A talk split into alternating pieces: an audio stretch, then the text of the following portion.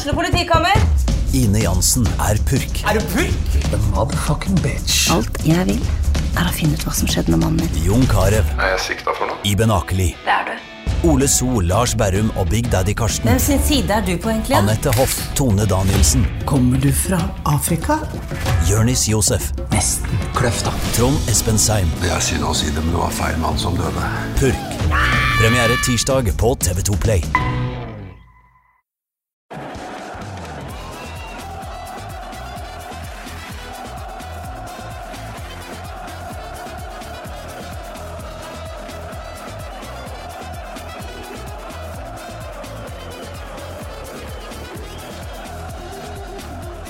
Velkommen, velkommen og velkommen til en ny episode av Pyro og Pivo.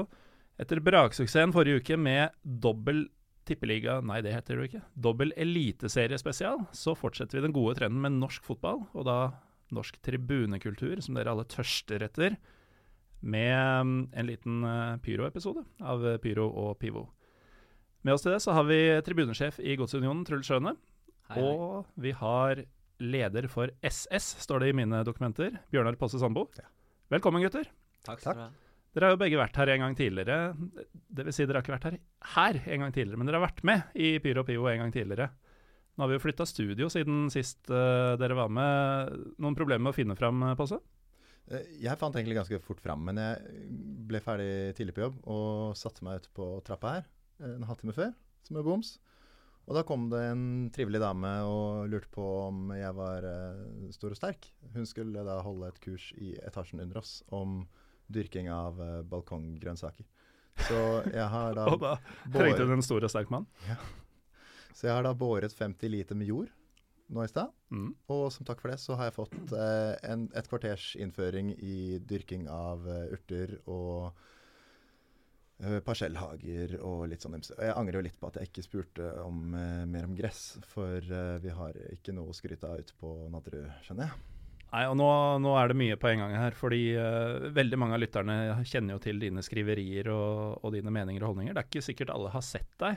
eh, og når du nå sitter og prater om at du har lært hvordan man sår eh, urter og gjerne skulle sådd litt gress og sånn, så, eh, ja, så tenker man jo sitt. Ja, Men, det- men, men du mener altså fotballgress, holdt jeg på å si? Folk, folk spør meg fortsatt på byen om jeg, om jeg har ting å selge og sånn som jeg ikke har. Men eh, spør de om pyro, så skal jeg klare det. Truls, du fant også fram, eller? Ah, det var så vidt, altså. Jeg uh, gikk feil. Gikk uh, inn i et annet bygg. kom inn med en annen mann. Det var rett og slett uh, eh, et spøkelseshus. Jeg, jeg gikk eh, opp i andre etasje, fikk beskjed av deg om å gå dit. Da, så, ja, rett over gangen. Jeg går inn der. Der var det full rulle med noen utstillinger og sånne ting. Og ja, gikk litt i labyrint der ute, og så fant jeg bare ut at jeg går ut og venter. Tror det var lurt, ja. Det slags, var veldig eh, mye spesielt der. Hva slags utstilling var det? Uh, det var et rom, et hvitt rom, med én telefon midt på gulvet. det var uh, Jeg tenkte hva i alle dager er det her? Men uh, Det er telefonen okay, til han forrige okay. som gikk inn der, vet du, som aldri kom ut. igjen. Ja, jeg, tenkte, jeg tenkte kanskje ok, dette er sikkert sånn sted som eh, det er litt uh, podkast, det er kanskje litt filming og noe greier, og så er det sikkert noen nakenmodeller litt lenger borti gangen. Det er her, litt sånne ting. eh, Ja, sånne, Det, det var det han forrige tenkte, og han som la igjen telefonen sin midt på gulvet, aldri ble ja, sett igjen. ja, så eh, jeg tenkte Bak neste dør er de damene. Bak neste dør, da. Ikke sant? Og så var det slutt. Så nei, da, til slutt så ringte, ringte du, så da var det Ja, greit. så vi er veldig glad for å være her, og Mm. ikke der vi var for en halvtime siden. Ja, ikke, det, det kan jeg tro. Og ikke minst så er det jo mulig å, mm, å fortsatt leve etter å ha gått seg bort og tilbrakt mer tid utenfor her. Eh, spesielt med tanke på hvor vi holdt til tidligere, som jo var en, eh, et sted hvor det fort kunne bli både rana, knivstikk tissa på og mer til. Enda et av de stedene der folk spør om jeg har noe å selge. Det skal sies da, når jeg gikk bortover her i stad, så kom jeg forbi den gamle stallen, og så på GPS-en min så sto det at det var her. Eh, så tenkte jeg at nå, nå har de kødda med meg. jeg var ikke helt sikker. Men apropos kødd, eh, Truls. Eh, jeg var jo på Marienlyst mot slutten av forrige sesong. Ja. Eh, og da sto jeg bak eh, målet nærmest eh, ja, det som vel het Klokkesvingen i sin tid. Eh, og vi brukte tromme. Og så syns jeg jeg så på TV i helga, i seriestarten, at uh, nå sto Godsunionen der og brukte tromme. Det stemmer. Vi har flytta, oss til andre sida. Uh, vi har jo brukt lang tid på dette. her da. Det er en prosess som har vart i fire år. Vi, uh, og det gjelder da tromme og tribunebytte, egentlig. Kalte inn til åpen tribunemøter. Uh, invitert alle medlemmer. Fordi tromme i godset, det det er ikke noe du bare tar med deg inn og tror er greit, da. Så etter en lengre prosess der godkjenninger av på årsmøter med mer, så kom vi endelig fram til at vi fikk bytte tribune nå. Eh, takk til Strømsgodset, som også har eh, hjulpet oss med dette her. Det er mye bedre akustikk på den tribunen da, enn det er på den andre. Vi skal også tette igjen veggene på sikt. Mm. Blir uh, brukt PA-anlegg etter hvert. Det er tanken. Samtidig som Det er jo full ultras, det her, da. Det er bånn gass. Altså, det er det som er målet. Og vi hadde det Altså jeg, da, i hvert fall. Jeg hadde det ekstremt gøy nå på søndag men den, når den tromma kom.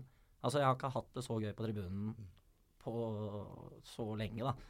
Uh, så dette her var virkelig et, uh, et, positivt tegn for oss. Og jeg så bare hele tribunen gliste fra øre til øre der utover uh, når vi kjørte i gang skikkelig på slutten andre gangen. Altså. Det, var, det, var, virkelig gøy.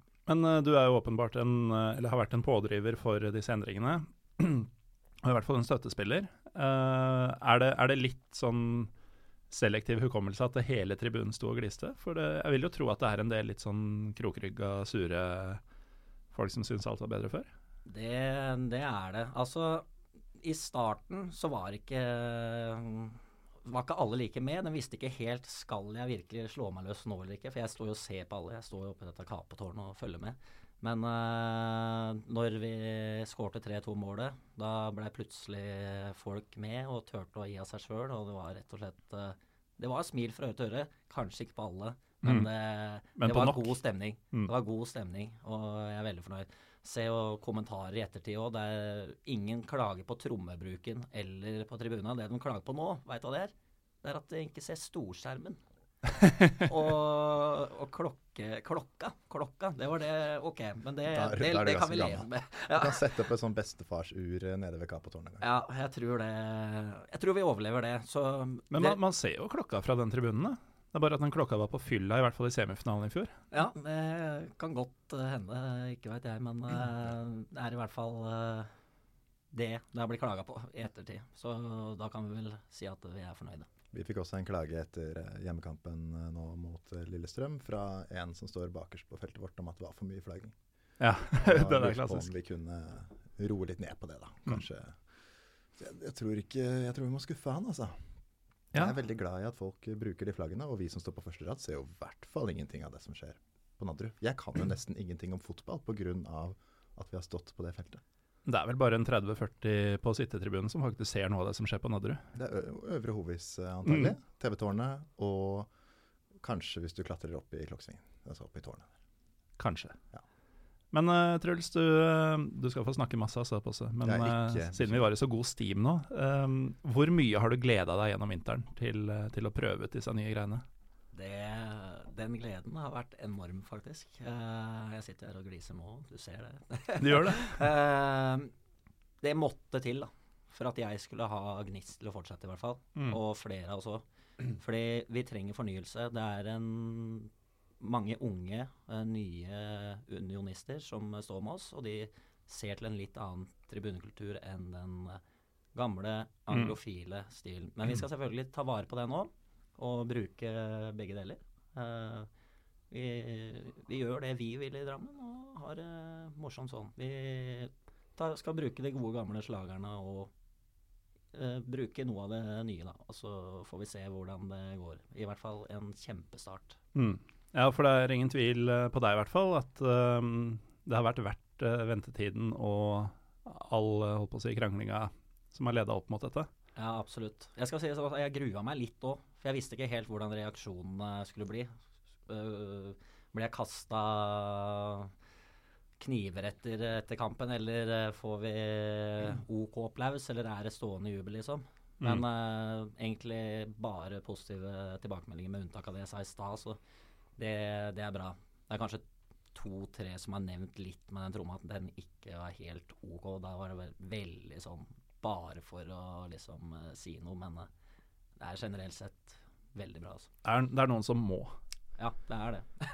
Hos dere da, herre Sandbo, er det noe nytt å melde fra, fra Stabæk Support uh, foran 2019-sesongen? Nei, vi ralla bort en trommestikke i Ålesund og måtte lage en rett før kampen. Så måtte vi også ha nytt skinn, for vi ødela tromma i Ålesund også. Så nå har vi ødelagt enda en tromme, for vi lagde ikke god nok trommestikke. Og ja, så, Men vi gjør så godt vi kan med den tromma, og den har også vært et veldig sånn positivt eh, innslag hos oss.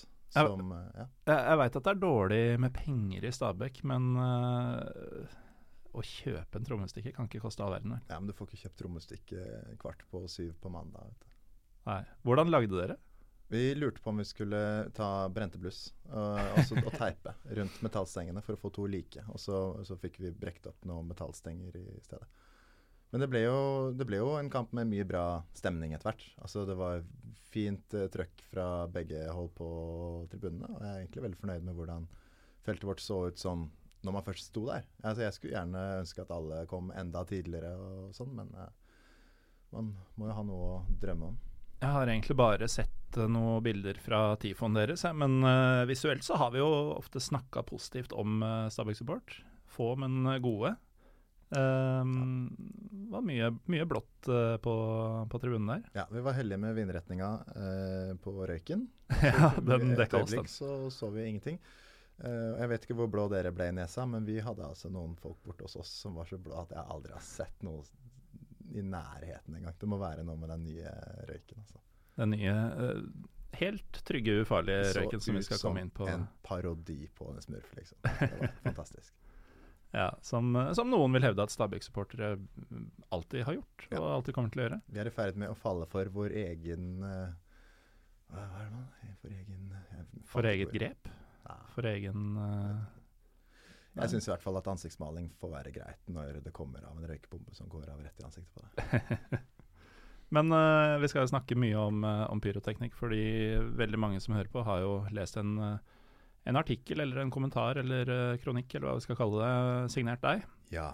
om, uh, om, nettopp det. Men um, det er altså samme tralten i Stabæk, bare at dere har begynt å lage eget utstyr. Og ja, vi har, blitt, vi har blitt litt flere. Mm. Eh, marginalt flere, 15% flere. Og det kommer mange nye unggutter til. Det er jeg veldig glad for.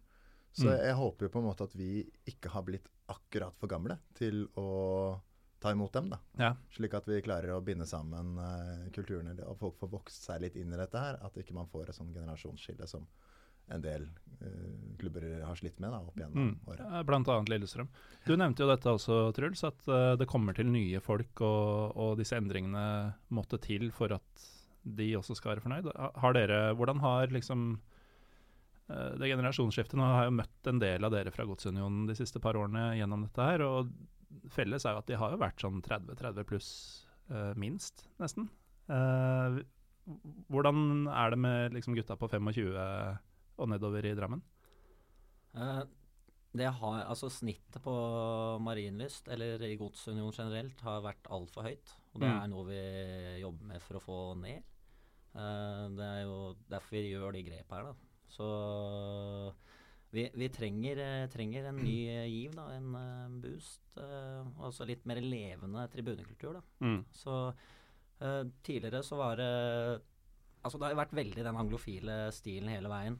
Helt til vi egentlig kom, kom til. det har jo vært tid for og sånt noe tidligere, men totalt sett så har det vært høye, høye, enkle rop da, som har vært tingen. Mm. Pluss ja, litt tid for show uh, i ny og ne, til å få litt mer evighetssanger, men fortsatt bruk av korte, høye verbale rop til mm. nå, og få, uh, få, inn den tromma i tillegg. Så jeg, jeg, tror dette blir en kjempeblanding. Da. Vi må få, den, få ned alderssnittet betraktelig. Mm. Akkurat nå jeg lurer på om det ligger på var det 30 år, da, cirka? Eller sånn i snitt på hele Marienlyst. Ja, ikke sant. Nei, uh, i Godsunionen. På feltet. Ja. Mm. Uh, hvor er det bortesupporterne skal stå nå, forresten? På deres gamle, eller? På vår gamle, ja. De tre uh, felta på venstre side. Det vil da si at uh, de som skal stå på bortefelt nå, får kun 600 plasser kontra 800 plasser tidligere. Mm. Så med litt dårligere akustikk, da. Ja. Det er- det er en douche move, liksom rett og slett. Vi har solgt, vi har solgt uh, den nye tribunen inn uh, veldig på det med akustikken, for det er faktisk en enorm forskjell. Mm. Eh, vi hadde med den lydteknikeren bort der, og det var ikke noe tvil. Så det blir i hvert fall tre felt. Uh, ett av felta har safe eh, standings, ellers så er det to felt med vanlige seter. Ja, For dere hadde med en lydtekniker som målte akustikken. Ja, han var med og sjekka. Ja. Hvordan gjorde dere det? Var dere Ja, vi, vi gikk rett og slett uh, rundt. Det var jeg, leder av Godsunionen, Tor Arne, og han uh, lydmann.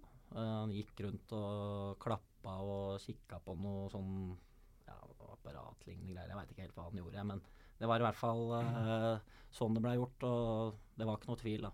Lyden på den tribunen vi står på nå, den går ut, mens lyden på den tribunen bortefans skal stå på nå, den går ut og opp, da.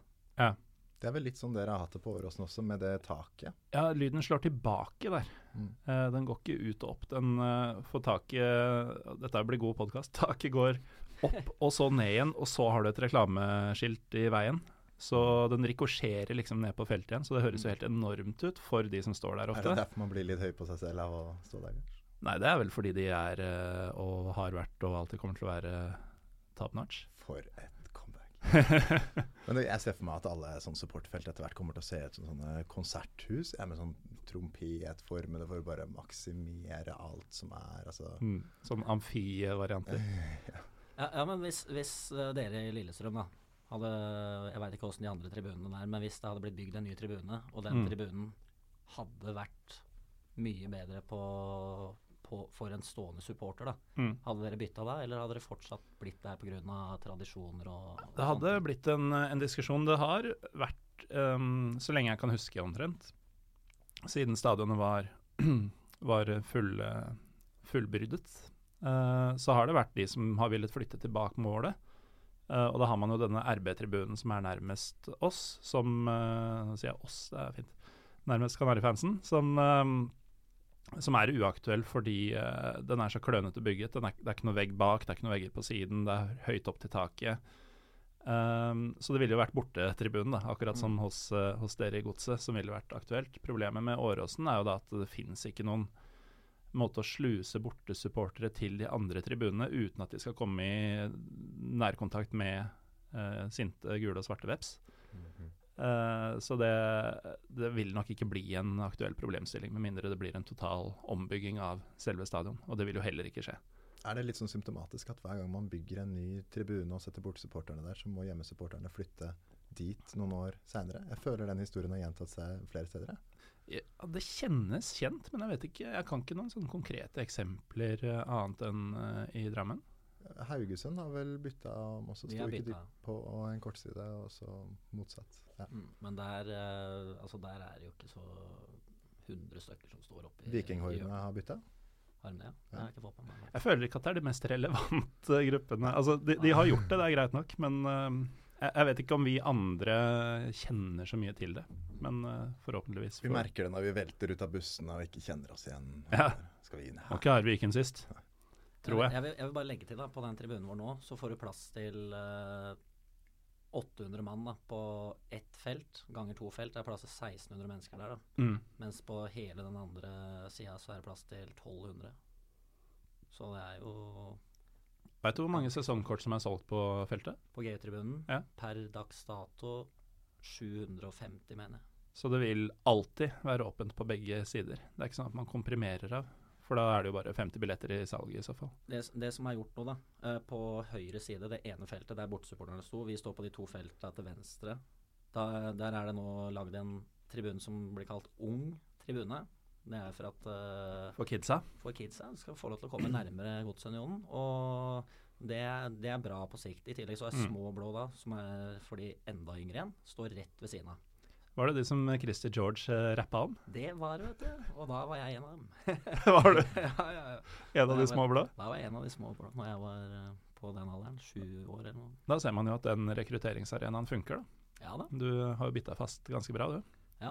For de som ikke eh, fikk med seg sist du var med, som vel er eh, en gang i fjor våres, uh, Truls. Uh, Posse, hva slags tittel var det Truls vant for uh, si halvannet år siden? Det ble vel kalt Årets supporter, Ja, er det riktig? ja det blei det. Og jeg husker at vi fikk eh, forespørsel eh, veldig i siste liten av norsk toppfotball om om vi kunne eh, hjelpe til eh, med å få klubbene til å kåre en supporter. Og vi fikk jo Det er mange tanker i hodet, selvfølgelig. Fordi vi som supportere er jo først og fremst opptatt av å fremme eget lag. og Sånn at det er jo som regel den mest beskjedne som ligger an til å vinne en sånn type kåring. Da. Vi, vi blir jo ikke så glad hvis noen kommer og stiller seg først og sier at 'jeg er årets supporter'. Det, det bare klinger ikke så godt. Nei. Så vi var litt sånn usikre på hvordan vi skulle om vi skulle være med på fronter i det hele tatt. Fordi plutselig så blir det jævlig kleint. Mm. Og, så, og så blir det ikke noe hyggelig for den som som kanskje egentlig fortjente den prisen heller. Men sånn, når, når alt eh, ble som det ble nå, så syns jeg jo det gikk eh, veldig fint. Og det, jeg var jo vel fortjent, syns jeg også. Ja, det, det Altså, jeg syns det var veldig spesielt sjøl. Fordi det er, det er ikke én person dette handler om, det er en hel gruppe. Så jeg tok den imot på vegne av Godsunionen. Mm. Men uh, det, var, det var en pengepremie involvert også? Den gikk til eh, bøter. Ja. Rett og slett. Uh, Og dermed også til et godt formål, Ja. sies det. jeg syns det. Ja. Uh, perfekt. få litt tilbake igjen. Eh, Hva er, hva er det Godsunionen får bøter for? pyroteknikk. Og da skal du få lov til å skinne seg. For et ku. Ja. Eh, jeg ga meg jo eh, i NSA Ja. i forkant av årsmøtet nå. Og i etterkant av dette så har jeg fortsatt holdt i importen av pyro, som har pågått nå, og i landskampene. Og jeg har skrevet en veldig lang artikkel hvor jeg hater eh, Fotballforbundet. Så egentlig så føles dette veldig likt som da jeg fortsatt var i NSA-styret. Ja, altså for meg som verken uh, har noe særlig innsikt i NSA eller Stabæk Support, så virker det som ingenting har forandra seg. Når uh, det Supporter Norge snakker om, er en artikkel fra fotballsupporter.no, er publisert 27. noe- mars, skrevet av Posse. Det er noe ved dem som bare trigger meg litt. Altså. Og jeg husker da jeg Jeg hadde akkurat fullført Dette var før den forrige, forrige runden vi hadde med, med Fotballforbundet, hvor um, det var med brannvesenet, som da forbød nødbluss. Og jeg hadde akkurat gjort ferdig en sesong av Paradise Hotel, og jeg drev med grottedykking i Mexico, hvor du skal krype rundt i sånne jævlig trange grotter, og du skal bare tenke kun på å være aldri mer enn en meter fra den lina. Hvis ikke så dør du, nesten garantert. Og det eneste jeg klarte å tenke på, hvordan kan jeg voldta og drepe den personen som liksom fucker opp livet mitt på den måten? Eh, og så er det kanskje ikke egentlig så ille. Men igjen så spilte Fotballforbundet på mine mørke G-strenger ved å eh, trekke fram en rapport som vi da har eh, kritisert litt tidligere. Så for de som ikke har lest noen ting i det siste Ja, Kan så- ikke du komme med litt bakgrunn her? ja. Bakgrunnen her er altså at Uefa i sommeren 2017 de slapp en rapport som de kalte en uavhengig vitenskapelig rapport. Dr. Eh, Tom Smith? Dr. Tom Smith. Han er sikkert veldig dyktig i faget sitt. Eh, og denne rapporten eh, blir jo da presentert som beviset som én gang for alle viser at det ikke finnes noen trygg måte å bruke pyroteknikk på stadion på. Så pompøst er det lagt fram, da. I tillegg da så ble jo eh, dette dratt fram på en sånn Uefa-konkurranse litt seinere på året, hvor eh, Fotballforbundet også var med, og norsk politi var med. Og det var en oppkonstruert paneldebatt der uh, ingen egentlig likte pyro. Så du kan tenke deg hvordan den debatten gikk. Det er vel uh, motstykket til det vi skal drive med her i dag. Ja. Uh, her kommer motangrepet, da. Og vi kritiserte denne rapporten med hovedvekt på at den rapporten gjør jo ingenting for sikkerheten vår. Fordi den tok jo for seg en haug med ting som vi aldri bruker her hjemme. Altså, øh, og den viste skader som eh, er helt uforenlige med produkter vi bruker. Den viste et bilde av en sprengt hånd. som eh, jeg kjente igjen, for den har ligget på Rotten og alle disse sidene og det, hvor du legger på sånn morsom tegning og 'Jeg skulle ikke ha runka så mye'. Og så, Det er bare tatt liksom det verste du finner på nettet, og sagt at dette kan være en fyrverkeriskade. Det er helt sinnssykt, det, de bildene som ble vist. det Jeg har sett det er. flere av bildene som har blitt vist her. Ser ut som det er en krigssone i Ja. Uh, Ja, den sprengte hånda. Altså. Den er ikke fin. Jeg har sett veldig mye B-filmer, eh, og da gjerne Trauma, som kanskje er mer sånn C- og D-filmer. Og den hånda ser jo egentlig ut som noe som kommer fra Toxic Avenger 2, eller noe sånt. Det- Jeg, jeg kjenner også en som ser sånne rare filmer. Ja, ja, det var meg. Men uh, det er jo Altså, jeg har jo også holdt i et og annet bluss opp igjennom. eh, både trygge og utrygge, både i Norge og ikke i Norge. Jeg har fortsatt til gode å se en deformert hånd. Ja da. Og jeg husker det, det siste jeg leste på pakninga før eh, fallskjermblusset gikk i lufta, var best før 1975 en gang i en sen novemberkveld eh, på Bekkstua. Og det gikk bra, det også. Mm. For disse produktene vi bruker, er jo ment til å holde mye, mye lenger enn i de fire årene med hylleliv som de har. Men det vi reagerte på, var jo at denne rapporten dukket jo opp igjen på Norsk fotball, Norges Fotballforbund sitt sikkerhetsseminar. Eh, Det er ikke første gangen jeg har uh, trigga der heller, men jeg har, bare vært der én gang. Og da fikk vi heldigvis scenetid rett etterpå og kunne liksom debunke en god del av det pisset som kom. Mm. Men her fikk da selveste Dr. Tom Smith to timer med taletid og viste fram den der gørra hånda. Og han viste fram eh, bomber. Her altså, nå får jeg et bilde, ser jeg. Se her, ja. Det ser ut som lynet har slått ned sånn cirka midt mellom brystvortene hans. Og mora hans står og holder ham på skulderen og ser opp på ham og sier Hun tenker nok sånn Å, du sønn. Du skulle nok ikke brukt pyro på fotballkamp. Nei. Sannsynligvis det som har skjedd, da. Det er altså så mye bakenforliggende manipulasjon i det materialet som blir presentert her. Og det er liksom ingen som får kontra det før dette får plassert seg. For dette Mm. handler om hvordan vi prosesserer minner, ikke sant. Og vi husker veldig mye lettere ting som skremmer oss eller opprører oss, enn enn ting som er bra. Og Resultatet av dette her er jo at masse arrangementssjefer ute i klubbene går jo nå hjem fra sikkerhetsarrangementet og husker pyro, og de bildene. Mm. Eksempler på ting som ikke har skjedd her, og som ikke ville skjedd med ting vi har her. Og det er en manipulasjon av, eh, av norske fotballklubber som det er, ikke, det er ikke liksom tilfeldig, dette er nok en hensikt bak. Og disse som da drar fra det seminaret med disse bildene i hodet og disse inntrykkene, er jo folk som i utgangspunktet aldri har vært interessert i å prøve disse greiene selv. Uh, sette seg inn i hvordan det virker, uh, hvorvidt det faktisk uh, er farlig om du holder rett med en person en halvmeter unna deg. Um, de, de har rett og slett kun det som de har nå sett bilder av og hørt snakk om, å Mm. forholde seg til. Mm. Og det er de som skal ta avgjørelsene på vegne av eh, klubber og supportere. Beslutninger i norsk fotball blir jo som regel tatt av de som ikke har det beste faktagrunnlaget. Det er jo dessverre sånn det ofte Jo, men er. nå skal vi ikke snakke om Rosenborgs treneransettelse på seg. Dette handler om pyro. Ja. Nei, det er rart det der. Og det er mange som tenker at det er lurt å si nei for sikkerhets skyld. Og Mm. det de først og fremst gjør da, er jo å liksom frita seg selv for et slags ansvar. For hvis de sier ja, så er det deres feil. Og det er jo noe eh, sikkerhetsansvarlig i NFF har innprentet veldig til arrangementssjefene. At det, hvis dette skjer hos deg, på, på din klubbs hjemmebane, så er det du og ditt navn som er ansvarlig. Han Mm. sier det, det er daglig leder, da. For det er han som må signere. Ja, for det har vært veldig sånn frykt, eh, eller sånn skremselsretorikk fra, fra forbundet til Se på klubbene. den det er jo hånda. Vil du at den hånda skal være din feil? Og det de ønsker med dette, det er jo selvfølgelig at klubbene begynner å si nei. Og da slipper jo NFF å være den store, stygge ulven, ikke sant? Mm. Det er veldig mye enklere.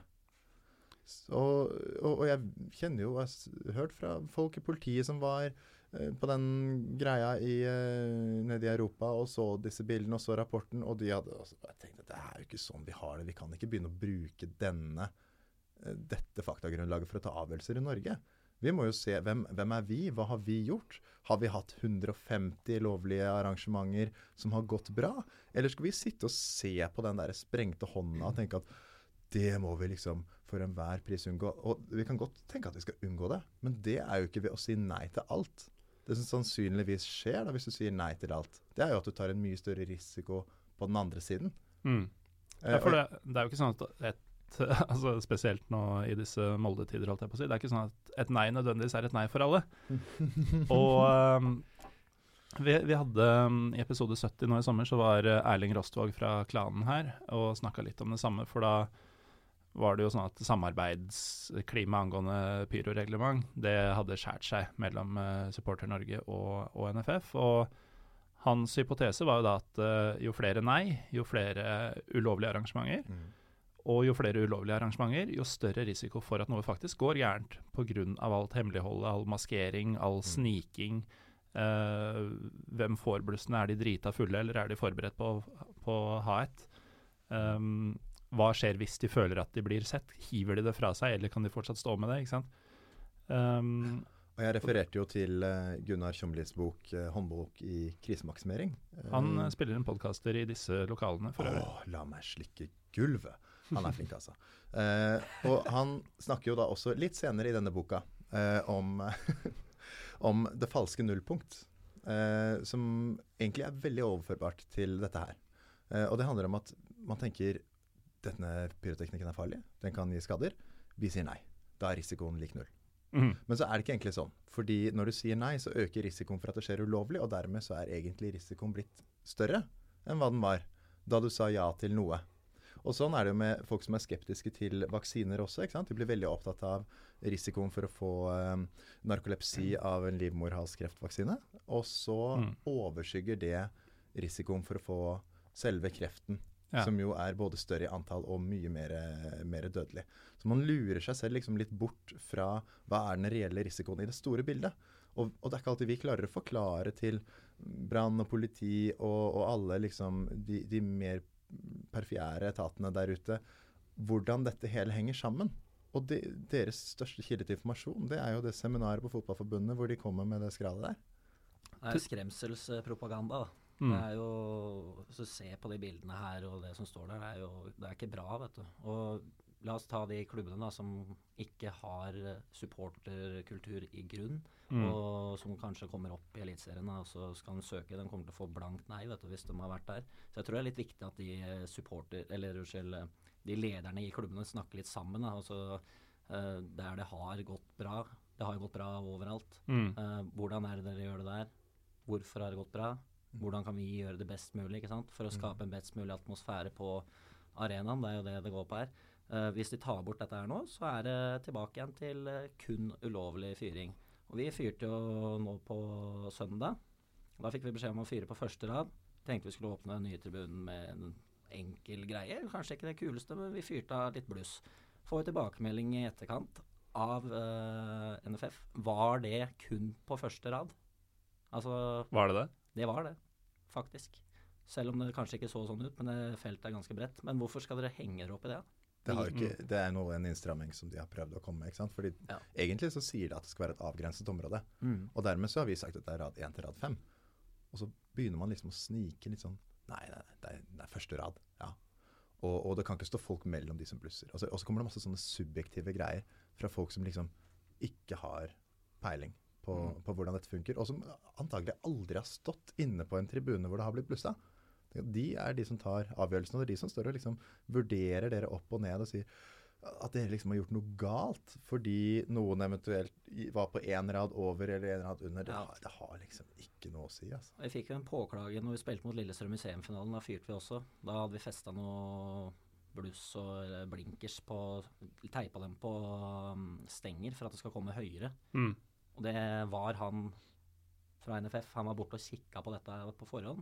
Og da var alt greit, men i etterkant da var det bånn gass. eh, Det var Bort. greit i forkant? Det var bånn gass, og var full, eh, da var det full filming og bilder, og så fikk vi vel eh, en bot, eh, tror jeg, av det. På grunn av bluss, bluss teipa i stengen. ja, det var et eller annet sånt. Det var i hvert fall en sånn eh, eh, Ja, det var, vi fikk i hvert fall skikkelig påpakk på Ja. den. Så de måler, blei- ikke, de måler ikke liksom fra forankringspunkt i bakken eh, første Ja, rad, jeg de måler høyde over havet. Vi fyrte litt grann eh, under kamp etter scoring òg, men det var ikke mye. De tok med det i samme pakka, da. Men, Mm. eh, Mm. Denne helhetsvurderingen vi Ja. alle har fått i posten.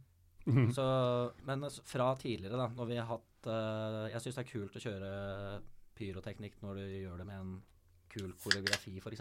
Mm. Og bruke det blinkers til en stjernehimmel eller Ja. sånne ting. da, Så ha det på hele tribunen. Kontra det å ha den på første rad hele veien. altså Da mister du litt av den effekten. eh, og det blir kjedelig, ikke sant. Dette er en av de utfordringene de vi står overfor hvis ikke Ja. vi kommer videre med den ordninga. Er at Mm. eh, folk opplever det ikke som et kreativt utløp lenger. At det er så mye restriksjoner at eh, man til slutt tenker "Nei, vi, vi får ikke ja til å ha liksom blinkere på rad fem engang. Drit i hele greia. Vi bare gjør det på vår måte, liksom. Og da tenker man også at da kan vi like gjerne gjøre det i full skala. Da. Det er jo det som, eh, som skjer ofte. Um, og og det, det er jo veldig rart at NFF først åpna for et det, det var jo forholdsvis liberalt en periode. Um, og det har ikke vært noen skrekkhistorier på de arrangementene. Ikke én eneste, vel. Uh, alt har gått bra. Og at de da skal gå tilbake på det. Altså, hva, hva tror vi ligger til grunn her? Er de, har de mista kontrollen, tenker de, og skal ta den tilbake, eller hva? Jeg husker bare at jeg skrev en sint mail i en anledning der og antydet det at eh, noen kanskje ønsket seg en karriere i Uefa. Og det er vanskeligere hvis du har gått litt sånn imot deres syn på pyroteknikk. Mm. Og da var det en som ble veldig, veldig sint på meg. Og da tenker jeg at Enig i forbundet? det er Ja. Og det er nok eh, Kanskje det er noe av greia, da. Vi skal nok ikke utelukke at dette bare er gamle, grinete folk. Hva er snittalderen her ute? Den er jo Nei, ganske høy. Det er jo sånn at nesten alle går av med pensjon samtidig. ikke sant? Men det kan også være at man ser veldig opp til Uefa. Og de har jo vært Mm. kjempeopptatt av rævslikking. Husker dere 'Handshake for peace'? Ja, ja. Det var jo bare for å smykke seg litt og se på, se på oss, liksom. Og det var jo urkomisk da Nobelinstituttet trakk seg fordi NFF hadde for dårlig omdømme til å få lov til å bli assosiert med fredsprisen. Ja, deilig. Men uh, i, i Drammen, uh, Truls, uh, man må jo man må jo ha tillatelse fra grunneier, altså Godset eller Drammen kommune. Det er vel Godset som eier uh, Marienlyst? Det er det ikke, dessverre. Det er ikke det, sorry. Drammen kommune. Det var ikke meninga. Eh, man må i hvert fall ha det, og så må man ha fra arrangør, og så må man ha fra nødetatene, brann og politi. Stemmer det. Uh, nå fikk jo dere tydeligvis lov til å blusse nå, og, og også i høst. Så hvordan er um, eh, hva skal du si, innstillinga fra disse instansene overfor pyrobruk i Drammen?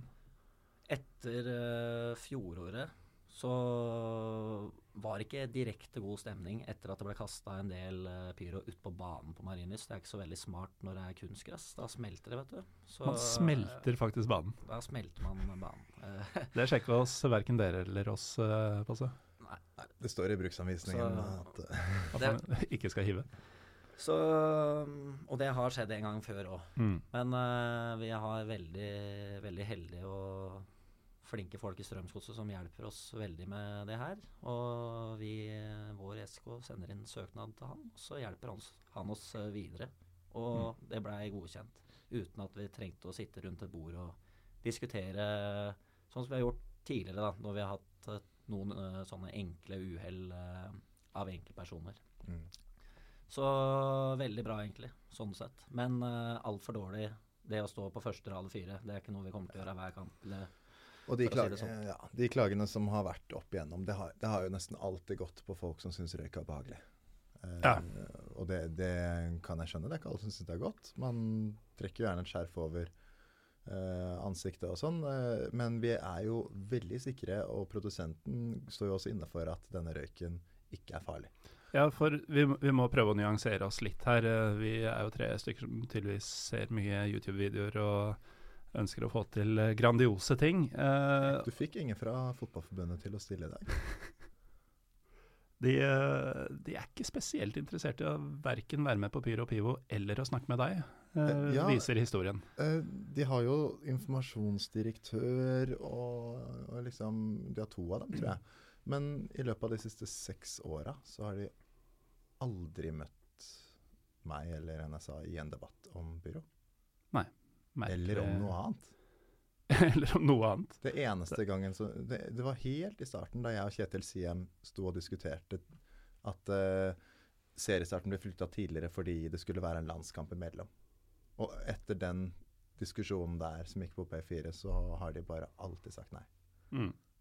Nei, jeg prøvde jo eh, til denne episoden i sommer med Erling eh, fra klanen, så, så prøvde vi jo uh, både to forskjellige uh, NFF-representanter, uh, som da først, først kunne ingen av dem på den datoen, så vi flytta det en uke. Og spurte hva med nå? Nå er det litt lengre varsel og sånn, og da ble det stille først, så jeg purra.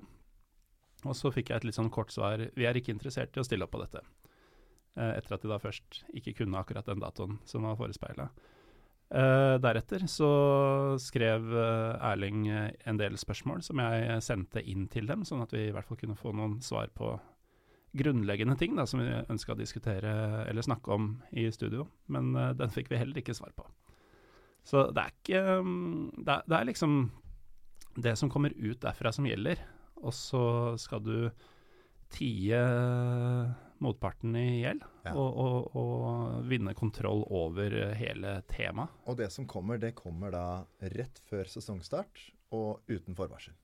Det er liksom Ja, for, for, det er også et punkt i, i denne artikkelen din som Jeg rakk ikke å si hva, hva, vi refererer til, men det er altså fra NSA sine nettsider, fotballsupporter.no, publisert 27.3, altså i forrige uke skrevet av deg, og den heter 'NFF og Uefa-rapport brukte bilder av sprengningsskader, Aten-derby og rørbomber for å skremme klubbene'.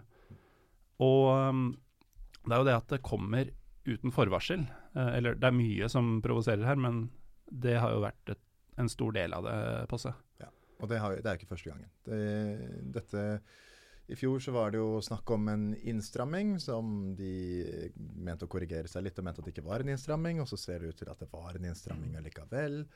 Uh, og etter dette kjempederbyet mellom uh, VIF og Enga, hvor de på en måte bare la ned totalt VIF og Enga? Shit, altså. Shit, ass. Er det 5 Ja, det er det. Fra flyplassen. Det forklarer saken. Uh, ja, på Ullevål. Hvor de etter eget utsagn var nødt til å ta grep eh, og dermed bare forbød alt som var av pyro uh, rett før sesongstart. Og så var det også Det, det er liksom Det er hvert år, altså. Og, og, den samarbeidsavtalen som NSA og Fotballforbundet eh, egentlig har hatt i mange år, den er jo ikke verdt noen ting. Det Nei, det, det, skriver de også ganske Du skriver vel med akkurat de ordene, tror jeg, i, ja. i denne artikkelen. Ja. Jeg, sa, sa jeg at man skulle tørke seg i rumpa med den? Jeg lurer på det, altså. Nå jeg tror ikke at uh, brevark fra Fotballforbundet egner seg til rumpetørking, dessverre. Nei, um, i hvert fall ikke uh, våre rumper. Uh, de, de, som husker sist du var med også, da, da var også din um, holdt på å si kollega Truls, um, Joakim Bjørklund, ja. med. Det var jo noen som trodde at vi hadde glemt å skru av opptaket, fordi etter outromusikken musikken så eh, fortalte hver av oss eh, noen syke bæsjehistorier. Like gjerne. Ja, såpass, ja. Ja da. Det, du har ikke hørt den episoden, kanskje? Jo, den har jeg hørt, men eh, så langt eh, kan jeg ikke huske å ha kommet. Nei, det, det var et såkalt bonusspor, ja, okay. kan du si. Ja, bonusspor har jeg ikke hørt. Mm. Ja, så nå begynner du kanskje å ønske at du ble nede i rommet med telefonen? ja, jeg tror jeg vurderer det nå, ja. Nei, vi, vi, kommer dit, for du, du har jo ymta frempå om at du har nye Jeg har sagt at jeg er litt engstelig for at du skal spørre. Og det tenker nok alle som hører på også. Nei. Ja. Vi, vi, kan si at det kommer ikke spesielt mye bæsjeprat før eh, nei, outromusikken er spilt. Så kan folk velge selv om de vil eh, kjøre videre eller ikke. Um, men uansett, brevpapiret til NFF det kan ikke brukes verken til brev eller rumpetørk. Nei. Nei. Det, jeg tenker at for min del er det helt greit at, uh, at, jeg ikke skal ha så mye mer med dialogen å gjøre. Fordi det har vært uh, seks år med noe bra, men stadig et tilbakeslag som på en måte kommer ut av ikke noe. Og det er ganske demotiverende, da. Når, uh, når, når man begynner, Da jeg begynte, så var det liksom en liste med ting som vi kunne gjøre som var sånn OK, kult, det kan vi prøve på, det kan vi få til. Og nå er det bare sånn Faen helvete, jeg må fikse det. Å, for faen, jeg må ta hevn for dette. Å, jeg må, jeg må disse dem for det. Jeg må ta han fyren i brannvesenet. og det er slitsomt, da. Du ser jo ut som sånn peace and love-fyr, men det er, det er, mye hat og sinne i deg. Ja, men vet du, folk på jobben sier at de kunne aldri sett for seg at jeg er meg sint. Um, men jeg tror det er sunt å, å, være sint. Og det er jo litt av det, det jeg skrev i den avsluttende artikkelen, at jeg tror vi trenger liksom den ventilen i å bare blåse ut masse følelser uten at det nødvendigvis får så mye konsekvenser. Mm. Uh, tenker du da på å være på stadion og ja, sånn, eller tenker du på å hamre ut uh, artikler? Jeg vil liksom uh, Jeg vil ha min, min, rett til å krenke og rope dritt. Og sparke i ting og, og liksom være ordentlig, ordentlig, ordentlig sint. Og det gjør at jeg blir ganske ålreit sånn, sånn ellers. Helt, helt fram til noen selvfølgelig tråkker meg på tærne og jeg må skrive en artikkel. Ja. Du tråkka meg på tærne, nå skriver jeg en artikkel. bare vent. Mm. Ja. Men det er jo ikke bare jeg som har vært uh, sint i det siste. Nei. Eller skal vi vente litt med Ja, vi, vi kan vente litt med det. Uh, jeg tror jeg vet hvor du vil hen, men vi, vi, må prøve å dra det litt inn. Stakkars Truls sitter der og ja. er redd for å måtte, måtte snakke om bæsj. Han tenkte på det siste kvarteret av denne. ja, jeg begynner å bli nervøs for den. Um, hvor, jo um, det at ja, Seks år som du har holdt på med dette, Posse, det er jo i utgangspunktet en umulig oppgave han tok fatt på, uh, Truls, vi som har vært med i supportmiljøene i noen år. Det at det skulle i det hele tatt være mulig å få til en slags aksept for pyroteknikk på norske tribuner. Det er faktisk uh, enormt, den, uh, den, jobben som har blitt gjort av NSA med deg i spissen her. Det mm. tror jeg hele Supporter-Norge er enig i. Uh, og jeg skjønner godt at det blir fly forbanna når uh, reglene blir endra før hver seriestart. Det, vi blir forbanna, og da kan jeg tenke meg, etter all den jobben dere mm. har gjort, hvor forbanna du og, og, de i styret blir, da. Så det er ingen tvil. For oss andre så er det jo ikke personlig, men det er det jo for deg. Det er bare personlig. ikke sant? Altså Jeg ser på de der bildene her fra han kameraten.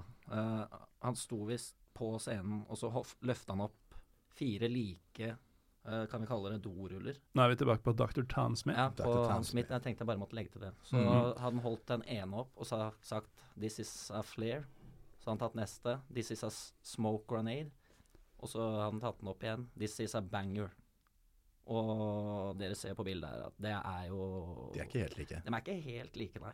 Den ene har Kliss like.